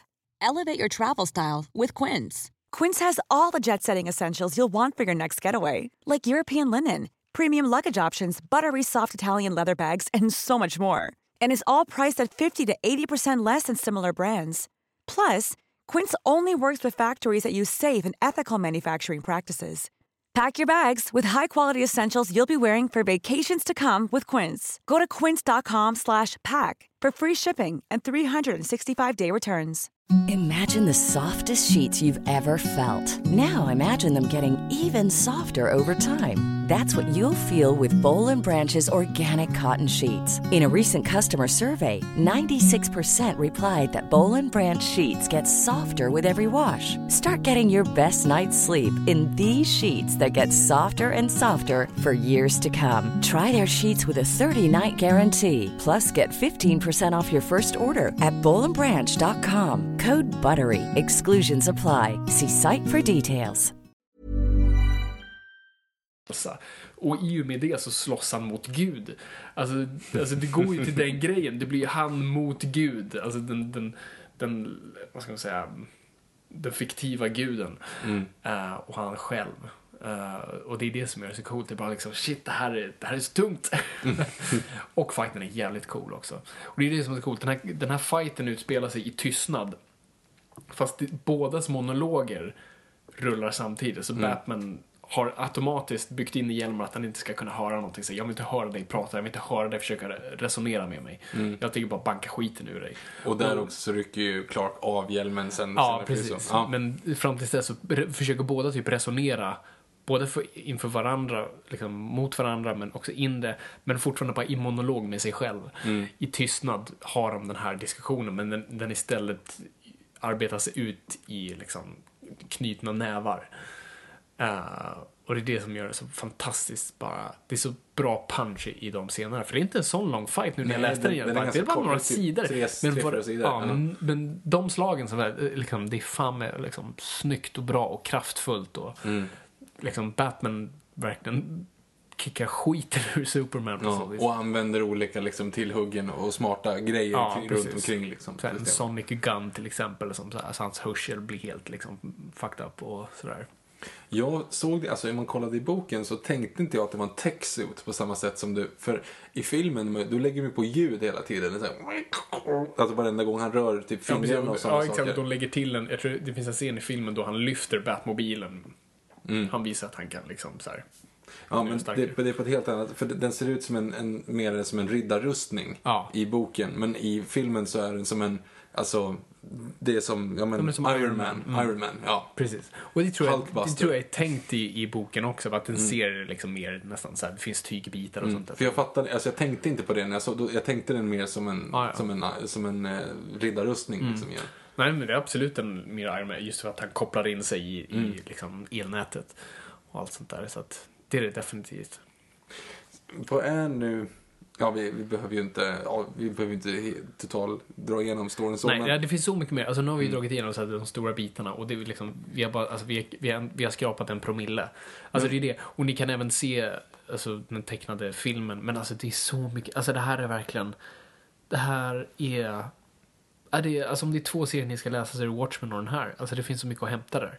Mm. Det, är- det är litteratur på riktigt. Vad tycker du, är det några sådana grejer som du, som du känner att du ändå vill beröra mer utöver det? Som är liksom så här, det här ska man tänka på eller det här ska man liksom, det här är en schysst allegori, det här är en schysst eh, Mm. tolkning av det. Är det någonting mer du tänker på? Nej, jag vet inte. Jag tror man ska ta alltså man ska se det som en studie i makt. Mm. Och jag tycker inte den, och det som är så bra är att den inte är, den talar inte ner till sin läsare. Den säger inte så att det här är rätt och det här är fel. Det är därför hela tiden är det en debatt i boken. Och vad som är rätt och vad som är fel. Och den pratar hela tiden om vad som liksom, så här, är civilkurage rätt eller är det fel? Vad ska samhället göra i samhället? Så att jag tror, alltså, vart du än står i ett politiskt spektrum eller ett moraliskt spektrum så kan du fortfarande njuta av boken och inte känna så här, ah, det här känns liksom, varför säger du åt mig hur jag ska tänka? Det gör den inte. Men jag tror man ska främst ta in så här, okej, det här är en studie i makt och vad det är och vad det gör. Uh, och liksom, och den, den, den på något vis, den mänskliga moralen och vart den ligger. Är den konstruerad? Är det någonting vi själva definierar i oss själva? Eller är det någonting vi delar med andra? Alltså vad, det nu än är. Och jag tycker det är en sån intressant frågeställning den, den hela tiden ställer sin läsare. Liksom. Men är det det? För att den ställer sig aldrig på Batmans sida. För när du väl kollar objektivt, Batman är sinnessjuk i den.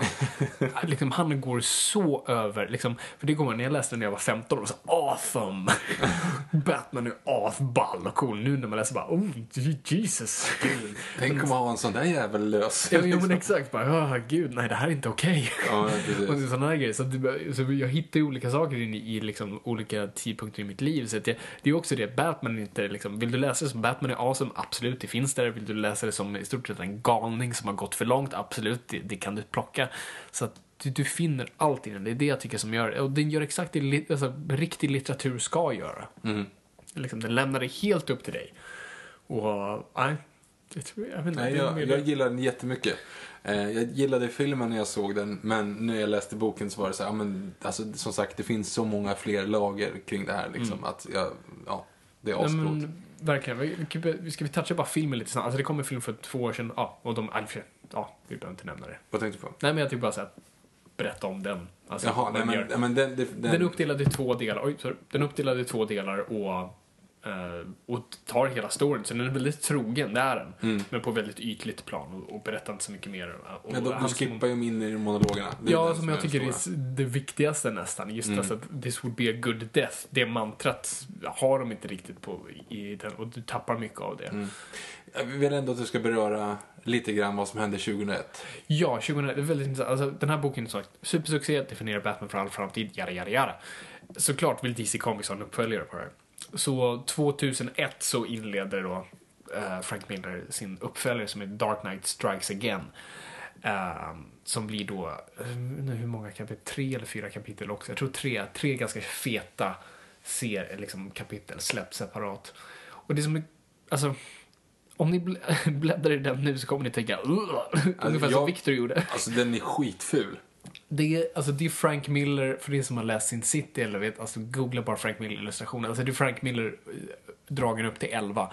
Alltså det är, det är så överdrivet och liksom feta kontraster och alla karaktärer är deformerade och alltså det ser ut som en här, feberdröm av en hippie på 70-talet efter för mycket syra. Alltså det är helt Ja, galet. För här har jätte- precis, för det ska jag också säga, Dark Knight Returns är, alltså, så färg som man använder i Dark Knight Returns hade man aldrig sett tidigare. För det är hans fru Lynn Varley, eh, Frank Millers fru, som målar den med, alltså, eh, inte akvarell utan vad heter det, alltså olja, vattenmålning istället, Mm. vattenfärg. Därför har den här väldigt bleka, så precis som det är som en film som har lite färg när det ska vara lite mörkt. Lika så i serietidningen, så då har vi någonting, hela första, de första sidorna är nästan likbleka. Mm. Och sen blir det mer och mer och mer färg. Så i och med att världen får mer och mer färg får Batman mindre och mindre färg. Ehm, och du hade aldrig sett saker målat på så vis. Så man var tvungen att hitta ett ny så här, printteknik för att kunna printa de här färgerna på så bra sätt som möjligt. Så att man ska titta på färgerna och lägga. Men i Dark Knight Strikes Again så hade precis, eller, digital färgläggning hade precis börjat liksom etablera sig i sittningsvärlden. Så man ser att de experimenterar med den där. Och det ser helt jävla galet ut hur de leker med de här konstiga färgerna och kontrasterna. Det helt Det var skitfult. Alltså den är verkligen, jag, jag, jag, det var lite manga och det var lite så här, nej men det är så jättekonstigt. Som Men det- jag hade ritat den. Alltså den var jättekonstig. Men det är det, det, är det alltså, folk hatade den när den kom ut. eh, och jag, med, jag vill inte ens läsa den. Alltså, jag läste den här för typ ett år sedan, första gången. För att Oj. jag ville inte läsa den. För som sagt, Dark Knight Returns är för mig liksom religion. Och så här, ska jag läsa den här som förstörde allting. För det är så, det är så jag hörde liksom, ja, men den här sabbar allt. Det är Frank Millers episod 1. Jo, men det är det folk har jämfört det med. Det är lite som, exakt faktiskt, folk har sagt att det är typ hans episod 1. Eh, för den utspelar sig tre år senare, Dark Knight Strikes Again, och då handlar det om Batman och hans, liksom, eh, de här Polarna. mutants, Ja. alltså, eh, och Carrie Kelly som, de går på en mer typ global nivå, för då har liksom Luther, Lex Luthor och Brainiac har manipulerat det politiska systemet i att presidenten är bara ett hologram. Ja. Och de håller på att ta över världen. Ja, det är ju. Men det finns och väldigt många hjältar dyker upp. Så då har du liksom, Green Lantern har, just, har de haft tillfångatagen i ett hamsterhjul som är pyttelitet. Så han är i stort sett bara ihop liksom kuvad och springer för att driva hela världens elektricitet. Sådana där grejer. Vi öppnar på The Atom, alltså Dr. Palmer som i stort sett är ett stort hav och fightas mot så här, fiskar och så visar det sig att han har bara varit fängslad i ett vattenglas i, i tio år och slått, slagits mot typ amöbor. Um, det har ni inte insett. Sådana där grejer. Och den är helt flippad. Men vad som är coolt med den är att mitt när han håller på att göra den här så sker 11 september. Och boken vänder totalt. Och vi får så här, alltså, eh, World Trade Center-bilder i stort sett. Inte direkt, men vi, får, vi ser Metropolis i aska i stort sett. För någonting händer, en jättestor groda kommer, jättekonstigt. Eh, och, och vi ser de här, så, det är så coolt för att man, jag tror man måste se Uh, Grant Morrison har pratat om det. Du måste se Frank Miller som en konstnär som utvecklas. Alltså, du vill inte ha Dark Knight igen för att du vill... Den var Dark Knight och nu är det en konstnär som liksom 15 år senare gör en ny grej. Han liksom testar nya gränser. Och, och på så vis nu när jag läser, bara, nej men fan det här är inte så dåligt. Det här är bara en utveckling av någonting. Men du ska ju inte läsa den. Och jag tror, ni ska inte plocka upp den, ni som är nya, um, till jag ska inte plocka upp den det första ni gör. För då, det, den är svår. Den är skitsvår att ta sig in i.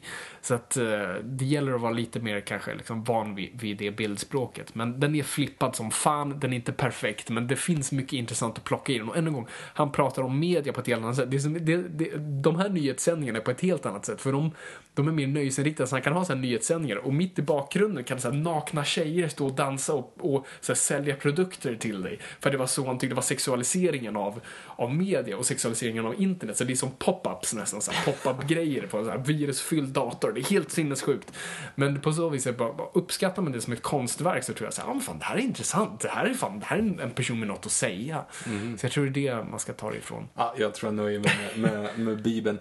Och nu då, i år? Och nu i år också ska vi säga har Dark Knight 3 kommit. Eh, som är den, tredje delen. Eh, och det, det, de är bara tre nummer in nu så den, den håller på att pub- publiceras as we speak i, i lösnummer. Och jag måste säga att det, det är riktigt bra än så länge. De, de går lite mer tillbaka till Dark Knight-hållet och för nu har han tagit in en medförfattare, Brian Azzarello, som är en jätteduktig Batman-författare eh, och eh, sittningsförfattare i sig själv. Uh, och de har tagit in en annan illustratör som är um, Andy Kubert uh, som på något sätt filtrerar Frank Millers illustrationer i sin egen tolkning. Och den, uh, den berättar en story som är, nu kommer inte ihåg hur många år efter igen det är. Men säg fem, mellan fem och tio år och då... Ja, jag ska inte säga någonting. Det, ja, men- för den, den- den, den- börjar med en bra spoiler, så jag vill inte öppna, den vill jag verkligen inte spoila, för jag vet själv inte var det kommer leda någonstans. Men den heter The Dark Knight 3, The Master Race. Ehm, och det har folk blivit lite såhär... Särskilt där, för att eh, Frank Millers politik har blivit lite weird de, de senaste åren och han anses vara ganska galen vid det här laget. Eh, så man tänkte först bara, vad i helvete ska du göra nu? När den titeln först kom efter The Dark Knight Strikes Again och sen The Master Race. Bara, Åh herregud, åh Frank, vad har du gjort? Vad kommer det här bli? Men det var inte så illa som det visade sig, tack och gud. Uh, om man tänker ett steg extra sen, vad kan Master Race vara för någonting, Victor? Vad tänker du när Master Race i, i ett DC Comics-filter? Hade det varit ett Marvel-filter hade jag tänkt X-Men. Men nej, nej, det vet jag Det inte. har lite mer åt superhjälteakt, eller superfolk. Ja, Jaha, vi, vi ja, lämnar ja, det okej, ja, okej. Ja, ja. Eh, men det är det, det kretsar. Så, så den publiceras nu. Jag tycker den är skitbra än så länge. Jag var verkligen positiv. Jag trodde inte jag skulle gilla den så mycket som den gör.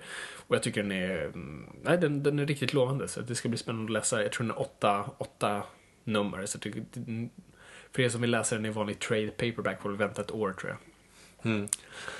Men det är ju en, en stor influens antar jag då. Eh, jag är glad att du tvingade mig att läsa den. Mm. Och helt plötsligt nu förstår jag ju nu hypen när eh, han satt där, Zack Snyder, på, på Comic Con 2012. Ja jävlar, det är tre år sedan. Jag kommer ihåg det. Jag var inte det är där. fyra år sedan. Ja, det är fan. När han, när han sitter och så säger han liksom pratar om Man of Steel och ska egentligen bara prata. Jag Jag tror, vi stod typ bara tacka för att ja men kul att ni har stöttat filmen, det har gått bra Ja. för den, vad roligt att ni såg den. By the way, jag, bara en, sak jag vill säga, och jag, jag har min polare Henry Lennox här som får, som får säga det. och han går upp på scenen och säger, ja, han tar fram ett papper liksom och tar Ta på, sig glasögonen. Och så, Som att han ska läsa Shakespeare. Precis, och så, är det- och så säger han bara liksom I want you to remember Clark In all the years to come in your most private memories I want you to remember My hand on your throat. I want you to remember The man who beat you. Och så i bak- och i bakgrunden då så, så blir det helt svart. Och så på en jättestor bild så ser man Superman-loggan och så kommer det så här mörk dånande musik och så tonar det upp så är det Batman v Superman. Precis, och det är inte vilken Batman-logga som helst. Det är så här Dark Knight, Dark Knight Returns-loggan. Bara... Dark Ja, Knight det- Returns Batman-loggan. Ja, Ja, och nu, jag kollade, alltså, jag kollade om det klippet idag eh, och jag, tidigare så här, ja det var fint, men nu bara så här, oh my god. Fyra år efter, jag vet att filmen är på väg, men ändå så här, tänk om man hade stått där och bara fått den liksom. Och det måste ju vara jättemånga som fattar det, för att, ja, man tittar på den, då är det så här, när han står och börjar säga det, liksom, när han börjar dra den här grejen. För det är ju direkt, det är ju taget ur, ur boken Dark Knight, eh, Dark Knight Returns. Mm, precis, det är det Eh. liksom Bruce tänker när han precis håller på att liksom slå. Precis, som är ascoolt Mm. eh, på en stor splashpage. Mm. nörden och nörden. Eh, nej, men, och så kan du tänka dig då, de som fattade. Alltså, I want you to remember Clark. Mm. man bara, hör ju- boom, så man hör några bara "Ah!" i bakgrunden. Men de flesta gör ju inte det. Nej, de flesta, förstår inte de det. flesta fattar ju inte förrän alltså, att man ser Superman-loggan och sen kommer Batman-loggan bakom. Exakt, och då går ju Och då liksom- går det bananas. Ja. Men, alltså, men de som förstod, de som liksom så här, vet man, så här, ett internskämt. Mm. Alltså, man- Åh gud, tänk vad, tänk vad coolt. Och vad ensam och stark man måste ändå känna sig där. De här sju och en halv sekunderna man förstod vad som hände Ja, innan exakt. alla andra Ja, det förstod vad måste som varit hände. helt fantastiskt. Ja, det var Ja. helt... För det, jag, jag hade ju läst om det innan jag ser klippet tyvärr. Så det, men jag kommer ihåg det. Vi var faktiskt tillsammans då. Tillsammans. Vi, Oj. vi umgicks den dagen. Ehm, och, jag, och jag verkligen såhär, Viktor. Viktor. Viktor! Något har hänt! Jag var helt chockad efteråt. Jag, och efter det, fyra år efter är jag fortfarande lika chockad. Och nu är vi snart här. Vi är snart där Viktor. Vi ska snart se filmen. Men, mer om det i nästa avsnitt. Mer om det i nästa avsnitt. Men det vi kan konstatera i alla fall. Ja, vi kan toucha om det. Men det, troligtvis kommer konfrontationen inte vara under samma förutsättning kan man ju säga som, som i Dark Knight. Nej, inte man ska dra traderna. Men som sagt, vi måste ha någonting att prata om i nästa avsnitt också. Jag tycker Det- vi kan övergå på frågestunden och sluta ihop det här Dark Knight Returns ehm, Spåret. eh, spåret. Och bara min rekommendation, som sagt, jag har läst två böcker, alltså serietidningsböcker i hela mitt liv. Båda gångerna har Fabian tvingat mig. Men den här gången känner jag så här, äh, det här, är- det här är för jävla bra alltså. Jag måste verkligen säga det. Man måste komma in i, eh, i känslan bara. För att det, är, vä- det, är väldigt, det är väldigt svårläst i Ja, början. som sagt, det är 16 rutor och det är väldigt så här, det, liksom, det känns lite så här gammalt ritat eller vad man nu Ja, säger. och Det är inte, inte den här digitala. Och, och jag kanske fick också, problemet var att jag hade ju precis läst Hush som sagt. Så att jag fick Ja, du liksom, var lite formad av det. Ehm, så att den, var- den var ju, den, för den är ju så mycket enklare som Mm. sagt. Men, men nej, jag, jag tyckte det var riktigt bra och gå till um, Comics Heaven. Comics Heaven Ja, det är absolut, jag behöver inte säga att det var Comics Heaven. Det är såklart vårt tips. Det är mitt Comic Heaven. De har en alltid där. De har släppt Mm. en ny 30-års eh, jubileumsutgåva. Eh, och massa andra utgåvor. Så det, just det, för det är det också, det glömde vi säga i början, det- den fyller 30 år i år. Mm. Eh, den här månaden som vi släpper det här fyller Mm. den 30 år, så det är också bara värt att fira. Men, och som sagt, liksom, jag tror de flesta, alltså den är grov, det ska vi ju säga. Alltså, är folk blodig dör- som fan. Blodig och saker så, så jag vet inte hur unga ni är som lyssnar på det här. Jag var 15 när jag läste den, det var fine. Och jag tänker att 12, Nej, men alltså. Mm. så här, i, I bildspråk så är den ju grov, men det är fortfarande i bildspråk och det är tecknat med vattenfärg. Ja. Så att det är inte så. Men det är ju liksom det är en kille som fastnar, han fastnar i- i en, ehm, i en, i en vad heter rollercoaster, herregud. Rulltrappa heter det inte heller. Han fastnar i en, um, men en sån här som finns på Gröna Lund.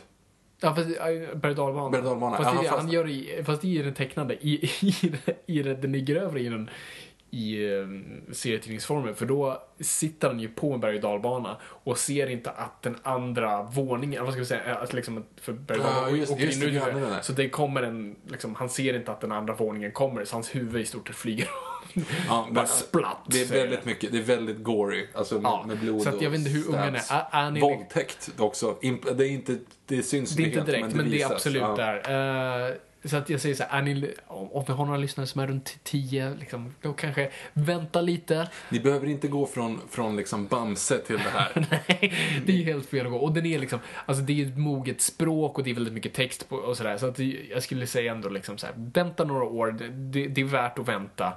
Eh.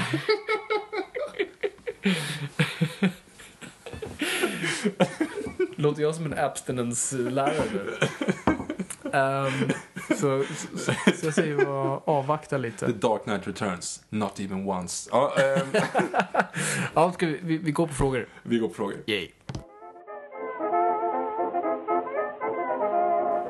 Fast vänta lite här nu. Är det, det är för... Den här månaden, det är, det är Noipods supervecka, eller supermånad med, Mhm. med Batman vs. Det är någonting mer. Ja, det, det är någonting mer. Vi, det- för vi kände ju någonstans att det är inte tillräckligt att bara ge er det ni älskar. Vad är det för någonting mer? Ja, Vad är det som händer den Någonting här händer månaden? den här månaden mer. Det är inte Batman v Superman, eller Batman v Superman i mars, men... Ja, men det är Svenska cupen har ju premiär. Jaha, just Fotboll. Just det, det är det. ju gruppspelet som startar nu. Det är det jag har Ja. sett fram emot så länge. Eller? Nej, såklart inte. Det är, det är februari månad. Det är, det är, I alla fall ni som är filmfans vet jag antar det, är- det är nästan alla av er. Ni vet att februari är en av de bästa. Det är som julafton för att då kommer alla Oscarsfilmer. Det är Oscarsgala på G. Yay! För äh, nomineringar och gala och allt sånt här. Och vi kände att, nej men fan, vi måste, vi, vi ska gå från det endimensionella, vilket är ljud, till det tredimensionella, vilket är bild. Ja, jo ja. Vi tänker, jag, inte tvådimensionellt förresten. det är tvådimensionellt. Det är tre- För vi har ju inte- 3D-briller. Det är sant, Det är ju det är sant. tredimensionellt. Det är helt sant. Okej, tvådimensionella. Hur som helst, vi kommer joina er, eller ni har chansen att joina oss på Oscarsgalan då vi tänker livesända vår egen stu- Oscarsstudio Precis. och kommentera Oscarsgalan. Och grejen är ju att eh, vi är ju liksom... Vi vet inte om det är någon som kommer haka på, men vi skulle tycka att det var helt underbart om ni skulle vilja tuna in på Periscope och bara följa oss. Precis. Vi kommer sitta där, vi kommer dricka lite bubbel, vi kommer ha våra smokings på oss, Yes. vi kommer vara riktigt galaklädda till tänderna och taggade på det här. Så att vi kommer ha möjlighet då för er eh, att logga in på Periscope och eh, kommer vi sitta och sända Jag tror inte ens man behöver ha Periscope nu för Nej, det behöver man. man jag Men behöver Twitter måste du Jag ha i så fall. Så antingen Twitter. måste du ha Periscope eller Twitter. Men skaffa någon av dem, skitsamma, bara fort som fasiken när det väl är dags. Mm. Och sen den 28 februari från klockan, ja men det blir ju 12 till 5 tills den är slut. Ja, liksom. precis. Så Eh, kommer vi att sitta och köra. Är det något särskilt konto man ska söka på då? Vi kör på mitt, så att det är ju vilket är det då? Engberg? Viktor. Det heter Eh, Engberg Viktor. Precis, så att hitta mig om inte annat på Twitter först och så kommer vi att länka. Vi kommer ju länka Ja, precis. Och du behöver inte ha, gå in på Twitters hemsida och bara söka upp att Man behöver inte ha Twitter för det om ni vill hitta länk sen när det väl kommer igång. Eh, för det är det. Kommer ni ihåg förra året, Oscar, alltså eh, Oscarsstudion förra året, som en viss tv-kanal som ej ska nämnas, eh, hade.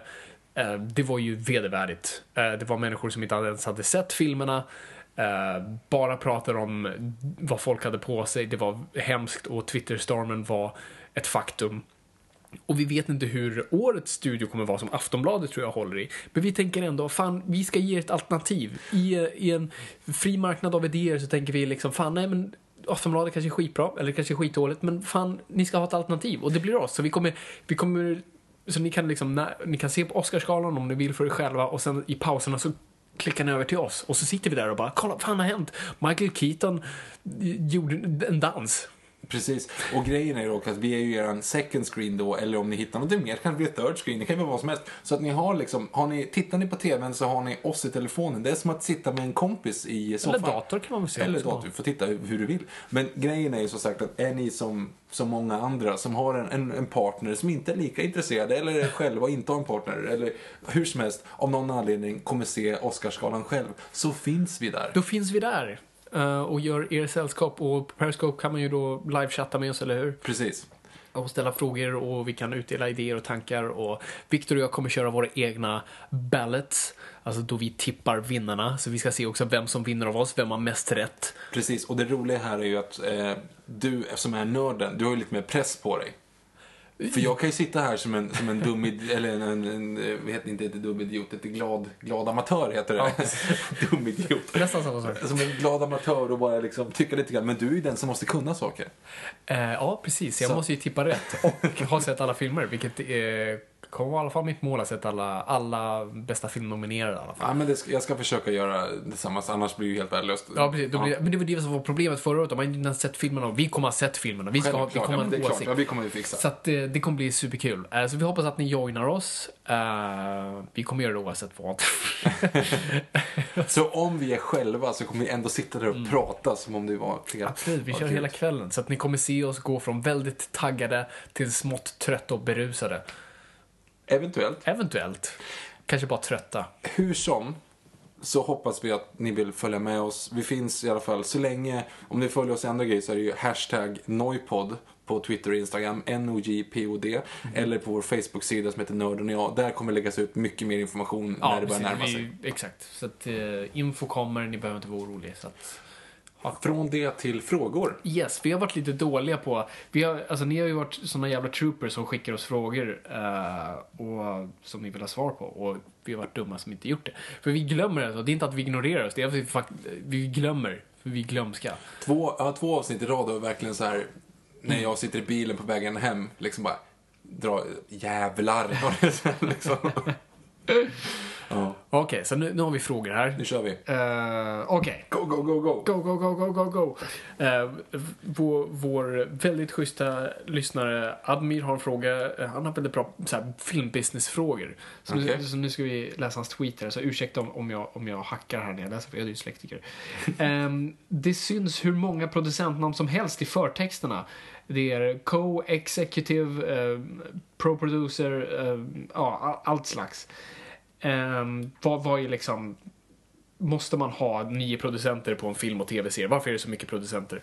Helt enkelt. Um, alltså det är olika från film och tv. Till exempel om du kollar på tv så till exempel, alltså tv brukar man säga är manusförfattarens media. Man säger att film är regissörens, teater är skådisens, tv är manusförfattarens. Och manusförfattaren Fint, det har inte hört. Mm. Ehm, för där är liksom manusförfattaren king. Så att är du, har du skrivit avsnittet, då är du automatiskt producent på det. Äh, har du liksom skrivit ett typ jättemånga avsnitt, då är du också automatiskt producent på det. Så de typ bygger producenter med tiden. Och sen har du studion har- är producenter. Eh, de, kanalen har producenter. Eh, produktionsbolaget som gör serien. Alltså det, så det är liksom, det är producenter från alla håll. Så det är liksom, det är egentligen bara typ så här, överhuvudena från alla olika liksom, hörn och kanter som får den här serien att fungera. Och executive producer brukar oftast vara de liksom allra högsta huvudena, de som kanske framförallt är film executives, alltså cheferna på studion. De brukar vara executive producers. Det är de som har fått se till att pengarna kommer och verkligen är där och sen har du då producers brukar vara den som är eh, som har tagits in av executive producers för att i stort sett bara ha, ha koll på att filmen rullar som det ska. För executives har oftast inte så bra koll. Och skådespelare får ibland vara executives bara för din titel. Så nu hade du senast också co-producer var ju Daniel Craig på eh, Spectre. Spectre, just det, just det.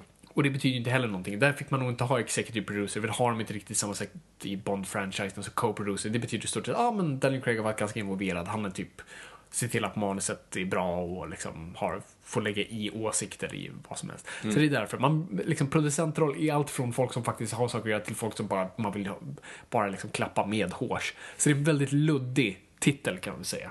Så jag hoppas att det, det, det är svar på din, på din fråga. Steven Spielberg är ju ofta executive producer på mycket grejer. Ja, Han precis. ser man ju som en sån där. Men det, det, det, jag ser framför mig det innebär att han typ liksom sitter i sin stol och så någon kommer in med ett manus och säger vad tror du om det här? Han bara, "Ah, det ser bra ut. Jag Och så blir han executive, Jo men exakt, Ja. ibland kan det vara lite så för folk, typ star power fast utan att man är med i procenten. Mm. Steven Spielberg, ja, men jag sätter mitt namn på det här, jag är executive producer, gör du det du vill men jag, liksom, jag har gett ditt, mitt välsignande. Jag försöker i alla fall tänka att det är så i och med att han är executive på eh, Transformers. Ja. Vilket är sorgligt. Men är- han är tyvärr all, han, han är inte så involverad i de filmerna. Men det, men det var han som såg till att de blev gjorda tyvärr. Det var hans typ barnbarn tror jag. Eller någon av hans unga som sa jag gillar Transformers. Han sa men det kan nog bli en franchise. Förstör inte det här nu. Nej, vi, vi, vi hoppar från det. Ehm, sen har vi eh, ett tweet från Sebbe, eh, Sebbe Grimborg, som frågar eh, Oj, vilka är topp 10 Star Wars-karaktärer? Gud, topp 10. Topp 10 är lite hårt. Jag tycker vi kan köra topp 3 för att, för att spara tid. Det här är helt oförberett, men okej, ja, kör dina. Åh gud. Eh, ja, kanske, vi kanske skulle ha tänkt på det här innan. Men alltså, Boba Fett är ju där uppe. Eh, det, är väl, det är väl någonstans nummer ett. Uh, jag, jo, men jag säger så här. Darth Vader. Luke Skywalker har jag faktiskt blivit mer varm till efter vi har pratat om det i podden. Och sen såklart eh, det- det- det- Boba Fett för att han är för jävla cool. Sen är Lando där någonstans också tycker jag. cool. Så Han kanske är fyra. Eh, vad kan jag ha som... Vad, vad heter hans co-pilot i, i Millennium Falcon, Lando i, i Episod 6? Åh gud, han som är så här racial stereotype. Ja, Eh, precis. Jag vet inte. Jag säger han. Nej, vet du vad, vet du vad jag säger? A- Admiral Akbar såklart. Ja, fan. Okej, ja. Okej, eh, bra. Jag skulle säga så här, mina grejer baseras extremt, bara för att jag är liksom top of mind nu. Mina favoriter baseras väldigt mycket på mig själv som barn. Eh, trea eh, underifrån är Bosk. Eh, han har inte ens en, en eh, Vänta, vem är Bosk? Jag känner igen. den här eh, Bounty Hunten i, eh, i femman. Som är ödlan. Som är en ödla. Som flår hade- sina offer. Precis, jag hade en actionfigur av den. Mm. Ehm, när, jag var, när jag var yngre, självklart. jag har ju ingen sånt nu. Och, och det var en ödla, jag är ödletokig. Jag hade dessutom förut en steppvaran. Vilket Mm. är på engelska Savannah Monitor. Men det amerikanska namnet är Bosk Monitor. Ah. Där, därav att de troligen har döpt den, alltså fast åt andra hållet. Eh, han är Bounty Hunter i femman. Jag ser två är Boba Fett, samma sak där. Bara för att han är coolast i gänget liksom. Det går inte att komma undan. Han gör ju ingenting. Jag, Absolut inte Django, men Boba Fett eh, enligt den mytologin, grymt. Min etta är Even McGregors eh, Obi-Wan Kenobi. McGregor. Ewan, man uttalar hans namn. Ewan, Ewan, Ewan McGregors Obi-Wan Kenobi. Ja, det är fan sant. Det är, han är, fast är det föredrar framför Ja, det. Guinness? Det är Ja, nästan det är lite så det. Men Nej, du, du har något, jag är väldigt varm till... till För, mest för att jag älskar Ewan McGregor. Mm. Eh, yes. Sen frågar Anton Karlsson. eh, vår relation till japanska serier, manga. Jag tror att det är en fråga till mig. har du? Har du Jag har läst de första typ 25 Och du, är så Dragon här, Ball. fan, du har ju mer relation till den än jag. Här är också så här, dina så här små nördgrejer dyker upp. Prata lite om Dragon Ball. Jag kan inte prata alls om Dragon Nej, Ball. men du, Jag- jag- fall, du läste typ jättemånga böcker, det kommer jag ihåg. Ja, jag hade hela de där, så det var typ en drakar i formen när man ställde dem ihop. De här Precis. Jag läste de, de, eh, de typ 25 första. Jesus. Och då kommer jag ihåg att jag läste de, de sju första och tyckte de var asbra. Sen fortsatte jag bara för att jag var tvungen. Mm. Eh, De sju första är ju liksom första storyn om, om Dragon Balls. Liksom. Mm. Eller om det är nio första förresten. Skitsamma, det är antalet som det finns Dragon Balls. Jag kommer ihåg att du visade mig en liksom, sekvens här. De här personerna kunde hoppa så mycket för de hade typ De hade, de, de, hade trä, de hade tränat i typ ett halvår med jättetunga sköldpaddsskal på ryggen. Och för att liksom, ja, men, ja, under sin träning. Och sen Mm. när de tog av sig sköldpaddsskalen då kunde de hoppa jättehögt. Alltså det är Det är jätteflippat. lite som, du vet, kommer du ihåg det som var jättepopulärt när vi var lite yngre, det här med att man, du vet, man stod i en dörröppning och så tryckte man sina händer mot sidan av Ja, dörröppningen. Ja. Och sen när man eh, släppte så, så här, automatiskt åkte ens armar upp. Det är nästan så. Nästan så. Eh, jag, jag har ingen relation i övrigt. Jag är inte så manga intresserad. Alltså, jag, jag, tyckte inte all, jag tyckte att det var jättebra, men efter det har jag inte läst någonting. Jag kan ingenting om allt det andra som kom efteråt. Mm. Och Dragon Ball spårade sen. Och det tilltalar inte mig alls. Jag tyckte att de första var bra för det hade ett, liksom ett schysst narrativ i början, men sen så bara spårade det. Så Mm. att jag kan ingenting utöver de första Dragon Ball. De första då, ja, låt säga, för säga första tio då, för de var bra. Eh, Då har du mer erfarenhet än jag, för jag har faktiskt aldrig läst manga-serier på så vis. Bat Det- är exakt det jag tänkte komma till. Eh, för att, nej, men jag har aldrig läst det så, det, det tilltalar aldrig mig. Liksom, jag har sett anime, men det är ju en annan grej. Alltså, men, uh, animefilm och sånt där. Men, eh, men som du säger, när Batmanga kom ut, då var det såhär, fuck it, klart det jag ska läsa. För det pratade jag om i det avsnittet, för det var ett av mina comics-tips, men ni som missade Batmanga var en sån här, de licensierade på 60-talet ut eh, Batman-karaktären till Japan, där en snubbe gjorde fantastiska, coola eh, serier om Batman i manga-stil. Och DC Comics hade ingen aning om det. Och det var inte förrän bara några år sedan de upptäckte att det fanns en illustratör som heter Chip Kid, hittade de här, tog dem till USA och nu har de samlats i i eh, ska säga, ja, bokform eh, för oss och, och översatt dem till engelska och, och går under då namnet Batmanga. Skitbra, ascoolt. Där finns som sagt den, en av de bästa skurkarna nå- någonsin som heter Lord Deathman. Ja, sorry. Jag visste Jag hade tagit den. Eh, som, vars hans eh, kraft är att han kan dö. Så det är fantastiskt för vi alla kan vara Lord Deathman. Återigen, jag tycker att det är tvärtom. Jag tycker att hans kraft är att han kan återfödas. Kraften är inte att dö. Ja, det är väl fantastiskt att kunna dö. Hur kan man bara... Jo men, jo, men dö. Jo, men, och sen om, att, man, att han själv kan återuppliva sig själv. Det är väl det som är kraften. Ja, Inte okej. att han själv kan dö. För det kan väl vem som helst göra. Ja, okej. Fine. Ja. Du, du har rätt. James Bond är Lord Deathman. Uh, om man tänker på att han kan regenerata sig själv. Precis. Eller en Time Lord, någon av de grejerna. Ja, jo, det, Eh, sen har... Dine of the Day, alltså för er som inte förstod den referensen. Yes. Yes. Infernic Steve frågar på Twitter. eh, och det är en fråga till mig för du vet inte vem det är. Vad tycker du om Rob Liefeld och hans stil? Och även eh, om typ Image Comics och 90-talet i övrigt. Alltså Rob Liefeld Jag tycker ändå att det var lite tråkigt där. Alltså, jag, jag tycker att det är t- tråkigt att splitta en, en duo och så. Men, men man kan inte alltid lita på vita tigrar. Det, Okej. Ja, jag tänkte, eller...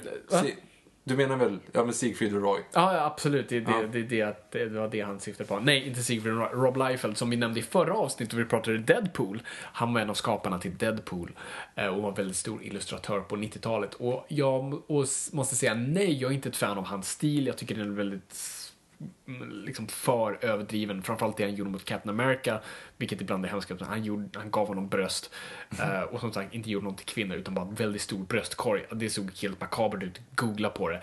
Och, nej, men jag, och jag tycker han, han verkar vara ett asshole i, i övrigt hur han har betett sig mot eh, folk på Twitter och allt annat. Så han, och han verkar vara en oskön snubbe. Och sen vad jag tycker om 90-talet, 90-talet anses ju för typ vara den mörka perioden i serietidningen då allting gick åt helvete för det bara handlade om stil framför substans. Det var bara splash pages och um, ingenting annat. Det var ingen liksom, Mar- och det är där Marvel går under i stort sett. Så 90-talet är väldigt mörkt. Så det börjar bra med Dark Knight Returns, vi precis pratade om 86, så bara dör allt på 90-talet.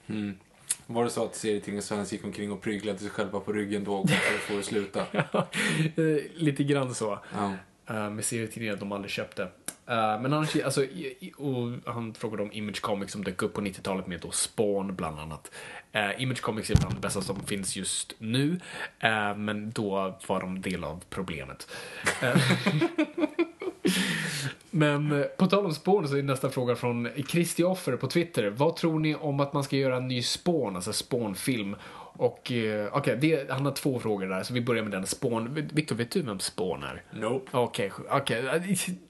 Ja, det tar vi ett avsnitt i så fall. Så det- Spawn i alla fall, det var den första karaktären som, som de gjorde i Image Comics. som var en nystartad eh, serietidningsförlag på 90-talet. Då Todd McFarlane och andra skapade, det var, man skulle ge makten till skaparna istället för cheferna. Och Spawn blev en jättepopulär superhjälte som i stort sett är, alltså typ, vad ska man jämföra det med? Alltså det är en snubbe, en soldat dör, hamnar i helvetet, blir typ eh, djävulens kumpan för evigt vandra jorden som en, liksom, som typ, eh, åh gud nu glömmer jag, vad heter det? Ghost Rider. Ghost Rider, fast utan motorcykeln och ser för jävligt ut. Eh, och i stort sett ska göra rättvisa. Ehm, och den gjordes till film, bland annat Martin Sheen som sög. Och gick inte så bra. Och nu ska de göra, och de har alltid försökt få göra en till. Och nu pratades det senast om, särskilt efter det gick så bra för Deadpool, drog in 150 miljoner bara i USA, typ 200 typ 300 i världen bara första helgen. Så nu är R-rated på kartan igen och det är Spawn lite mer ämnad för. Det är ganska grovt, det är blodigt och han mördar och sådär. Så fine, det är kul om de gör det, säger jag. Det vore kul att se en Spawn-film som görs bra. Så det, det, det säger jag. Vad var nästa fråga? Nästa fråga var då, eh, vem skulle vi välja som sällskap från Brödraskapet i Sagan om ringen-trilogin? Legolas. Va, va, varför? Han är vackrast.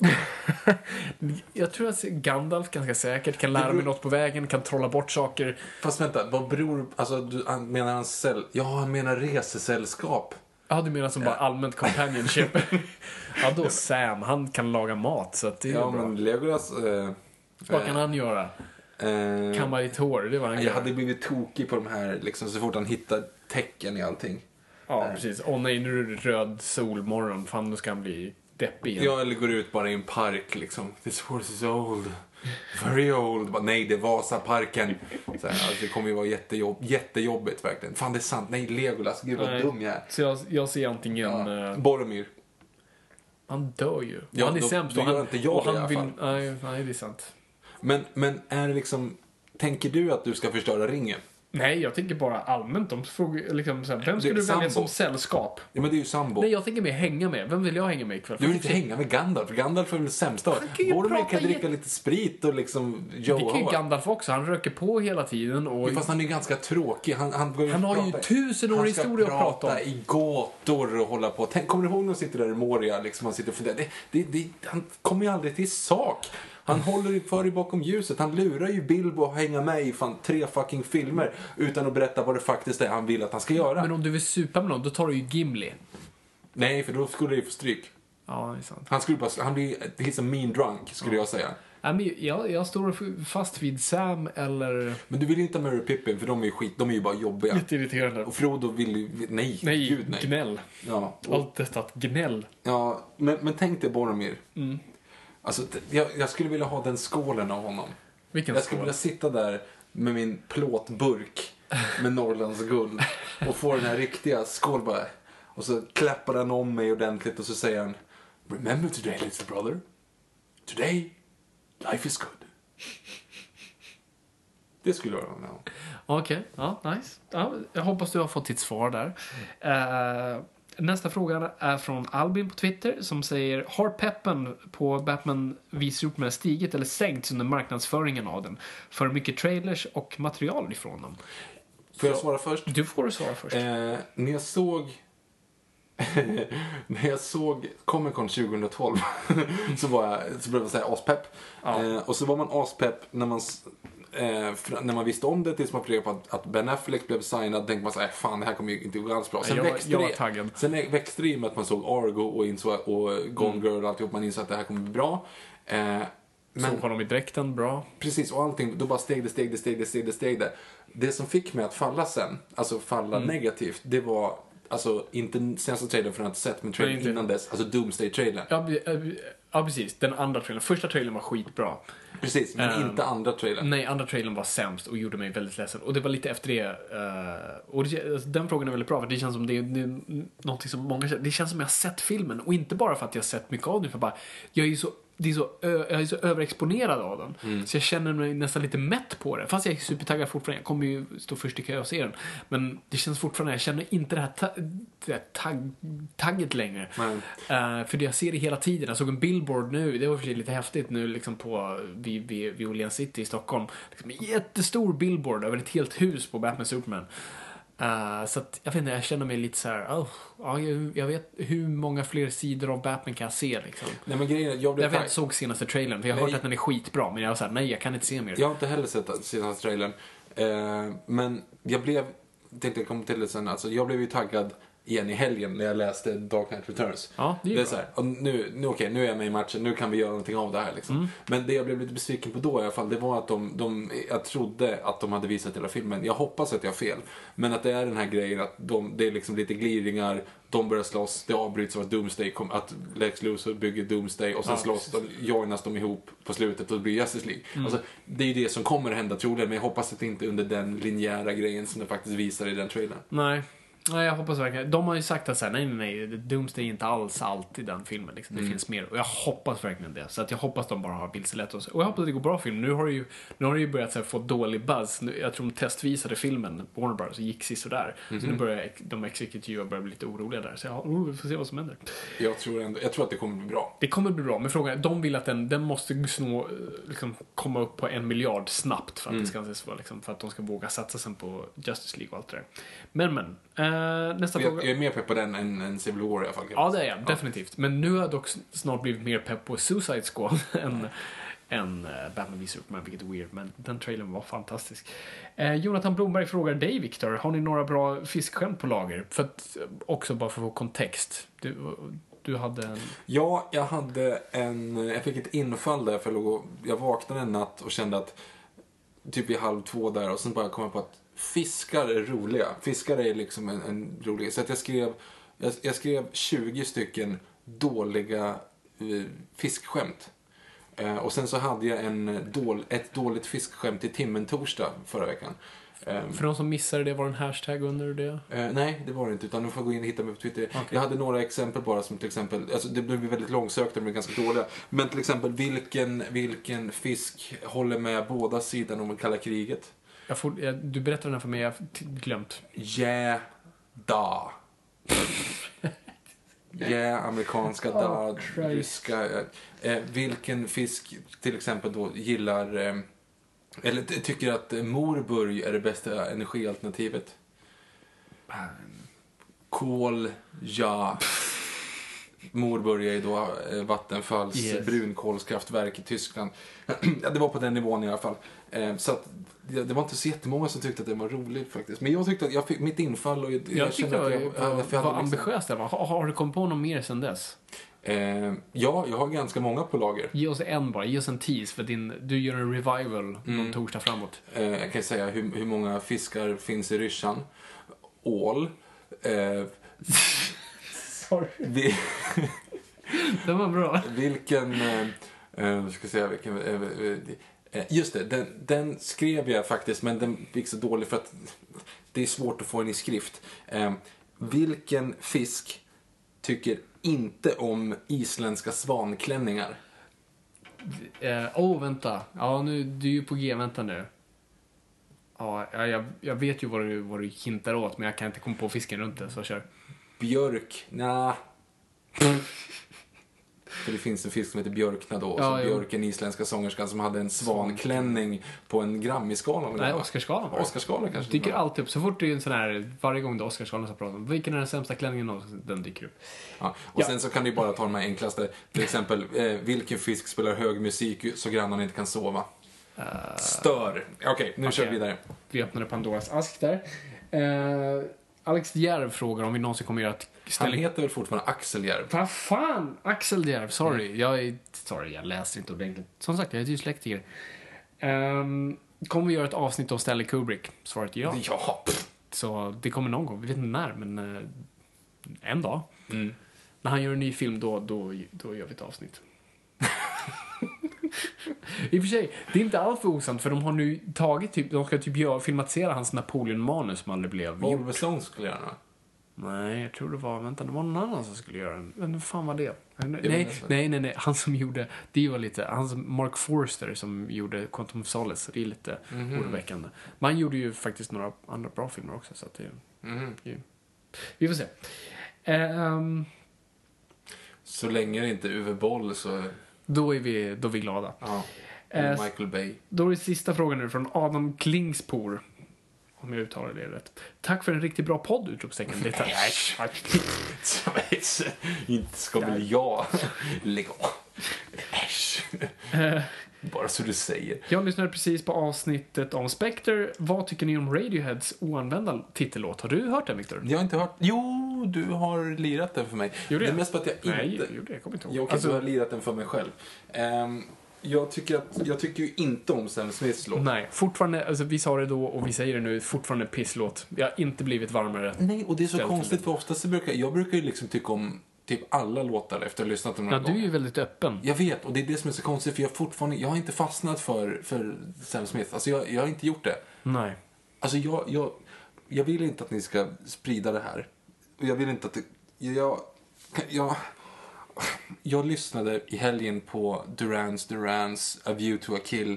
Sa du Durans Duran? Duran- Durans Duran. Borde inte vara Duran Durans, inte Durans Du Durans. förstår vad jag menar. Förstör. Duran Duran. förstör. Okej. Duran Durans View to a Kill och typ Mm. diggade den.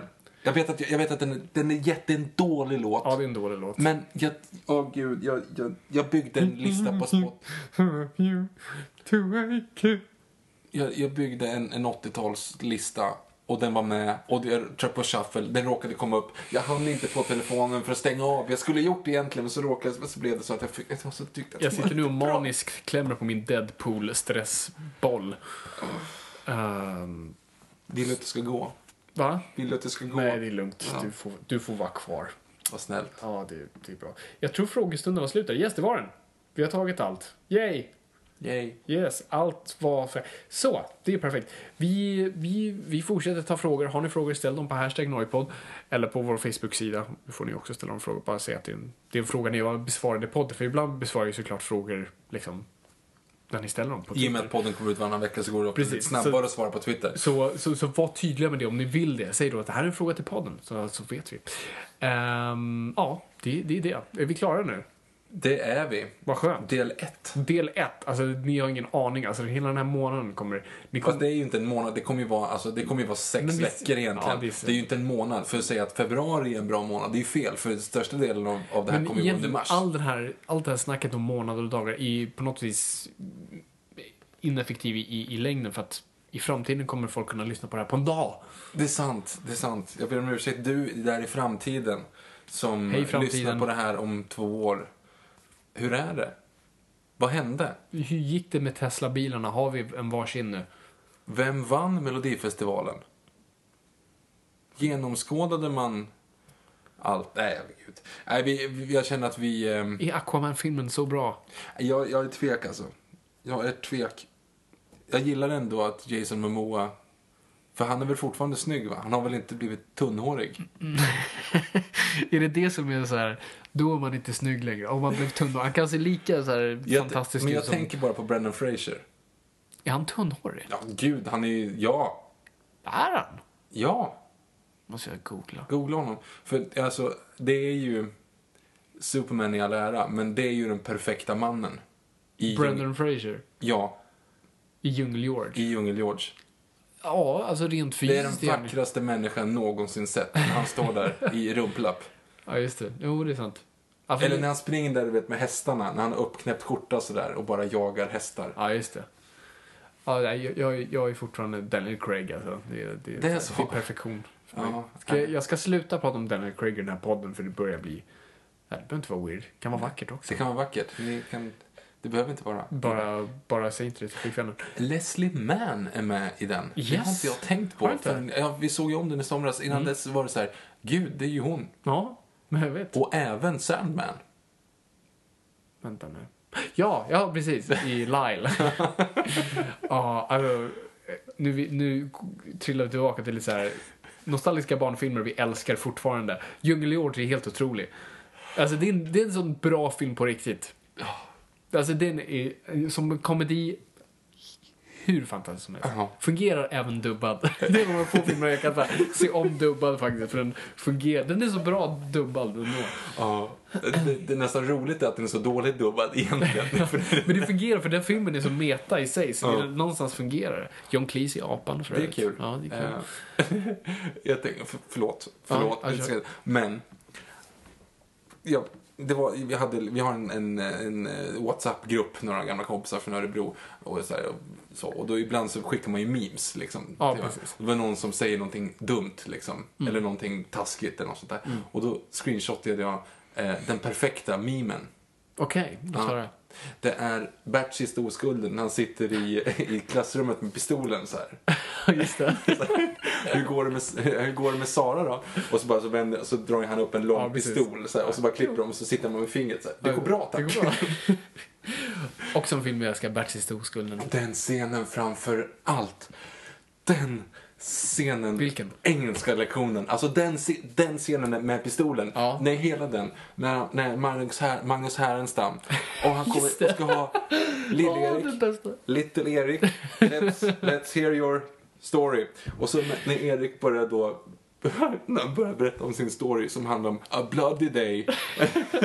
the blood flow over all when the, when the gun shot the man five times and his wife. Och så hör man bara i bakgrunden. Och så, samtidigt så sköts det ju här. Dels så klipper man mellan Härenstam som bara försöker liksom Förstå. försöker för, förklara. The blood splatter, vadå? Splatter. Eh, och så sker den här diskussionen då med, med liksom hur det går för eh, han, eh, tjejen han är kär i Ja, har ju då varit ute och åkt motorcykel liksom. Eh, Så de säger, kan inte vi plugga ikväll? Nej, det går inte. Vadå då? Jag ska borsta tänderna. Och det är då så hör man hela tiden, hör man Erik i bakgrunden Ja, som men- läser den här. Snipp, snapp, slut. The fairy tale is slut. Och också bara, det är, det är Thomas Alfredsson som har regisserat Ja, jag vet, det är helt underbart. och det, ja, men det, det är på riktigt en sån himla perfekt komedi. Också hur, hur, alltså alla grejer som händer i bakgrunden. Alltså det är så fantastiskt regisserat. Ah, det, är, det är subhistorier i subhistorier, liksom saker som händer. Och det är också ifrån tv-serien en av mina absolut favoritgrej ever är maskeradavsnittet. Då ma massa som är utklädd till Nixons hittar varandra och börjar stå och putta på varandra. Det är det bästa. Börjar med två och sen med tre och så alla bara står där. Fan, putta på varandra. Eh, och Jesus och djävulen och, och snodde hans eh, chokladbollar, eller havrebollar. Det är så underbart. Och sen en sån, ett sånt enkelt skämt, men, men det, är så, ah, det, är så, det är så bra. när när eh, mormors pojkvän kommer ju utklädd som Christer Ulfbåge. Och då är Christer Ulfbåge som är där. Och förlorar.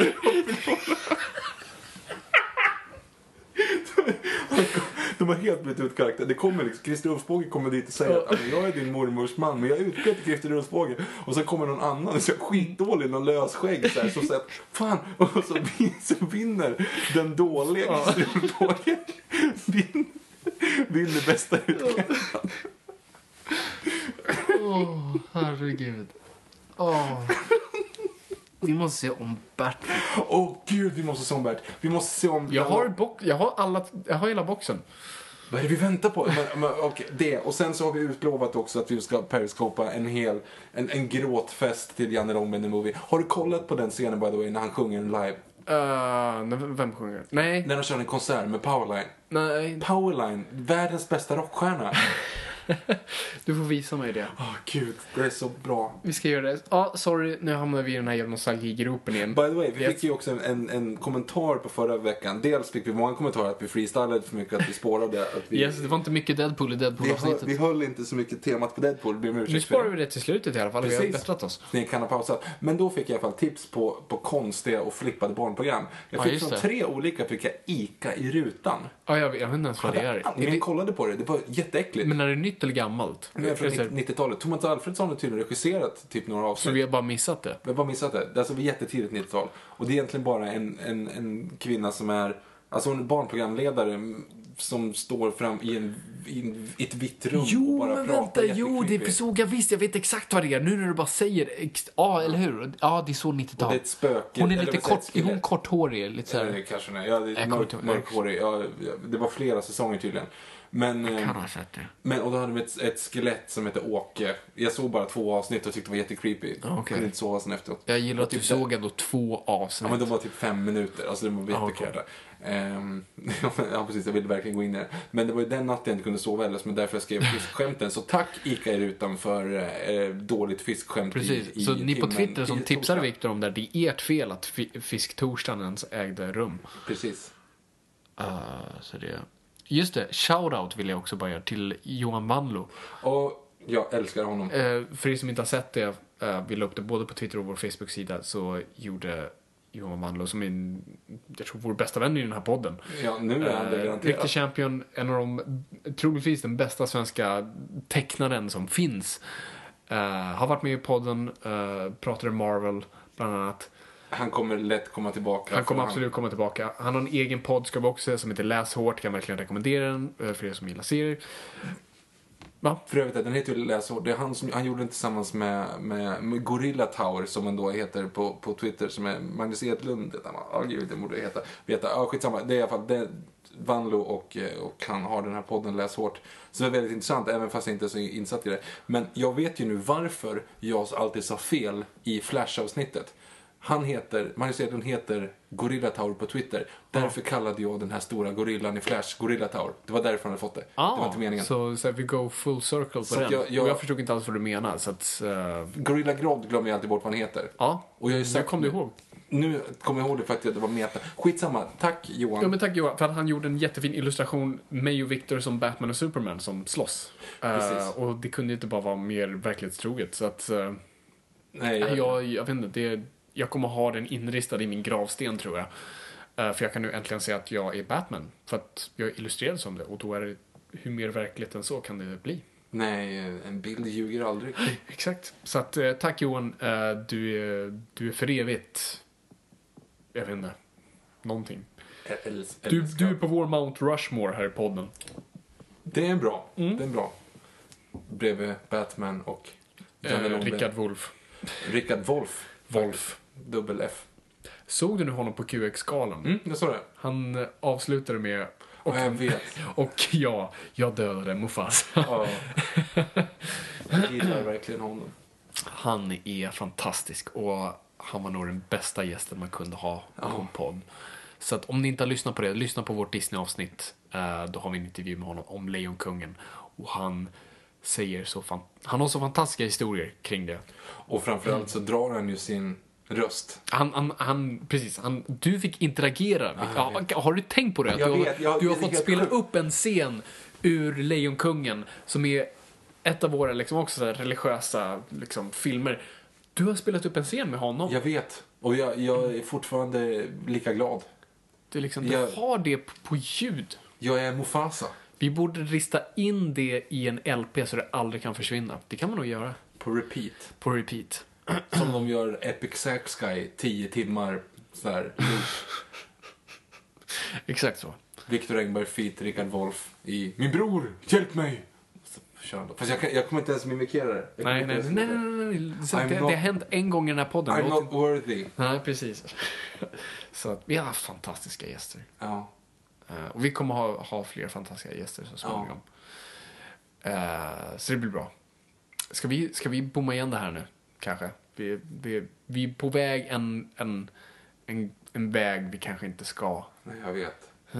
Du, du såg att jag formade munnen för att börja en, en Janne Långben-movie. Ja, en open jag såg, jag, bara det, jag, hur du sitter just nu, att du, är liksom, du laddar upp någonting. jag vet, jag, vi måste sluta nu för jag känner att jag har druckit typ en liter cola och jag kommer att eh, få så här sockerchock snart. Mhm. Så att jag kommer börja sjunga och dansa.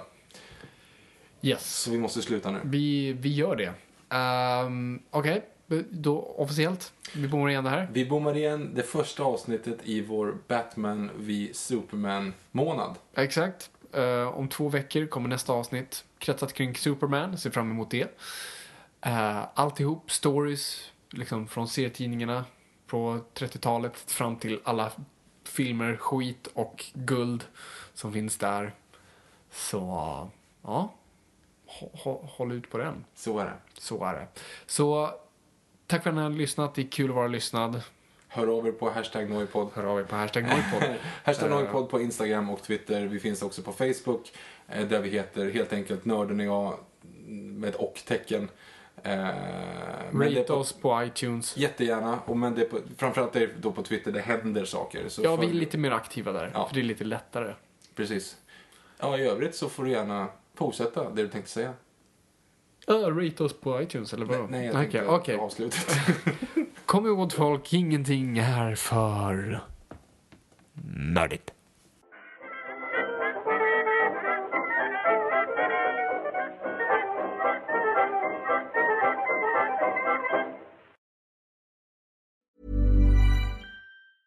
Even when we're on a budget, we still deserve nice things. Quince is a place to scoop up stunning high-end goods for 50 to 80% less than similar brands. They have buttery soft cashmere sweaters starting at $50, luxurious Italian leather bags, and so much more. Plus, Quince only works with factories that use safe, ethical, and responsible manufacturing. Get the high-end goods you'll love without the high price tag with Quince. Go to quince.com slash style for free shipping and 365-day returns. Imagine the softest sheets you've ever felt. Now imagine them getting even softer over time. That's what you'll feel with Bowl and Branch's organic cotton sheets. In a recent customer survey, 96% replied that Bowl and Branch sheets get softer with every wash. Start getting your best night's sleep in these sheets that get softer and softer for years to come. Try their sheets with a 30-night guarantee. Plus, get 15% off your first order at bowlandbranch.com. Code BUTTERY. Exclusions apply. See site for details.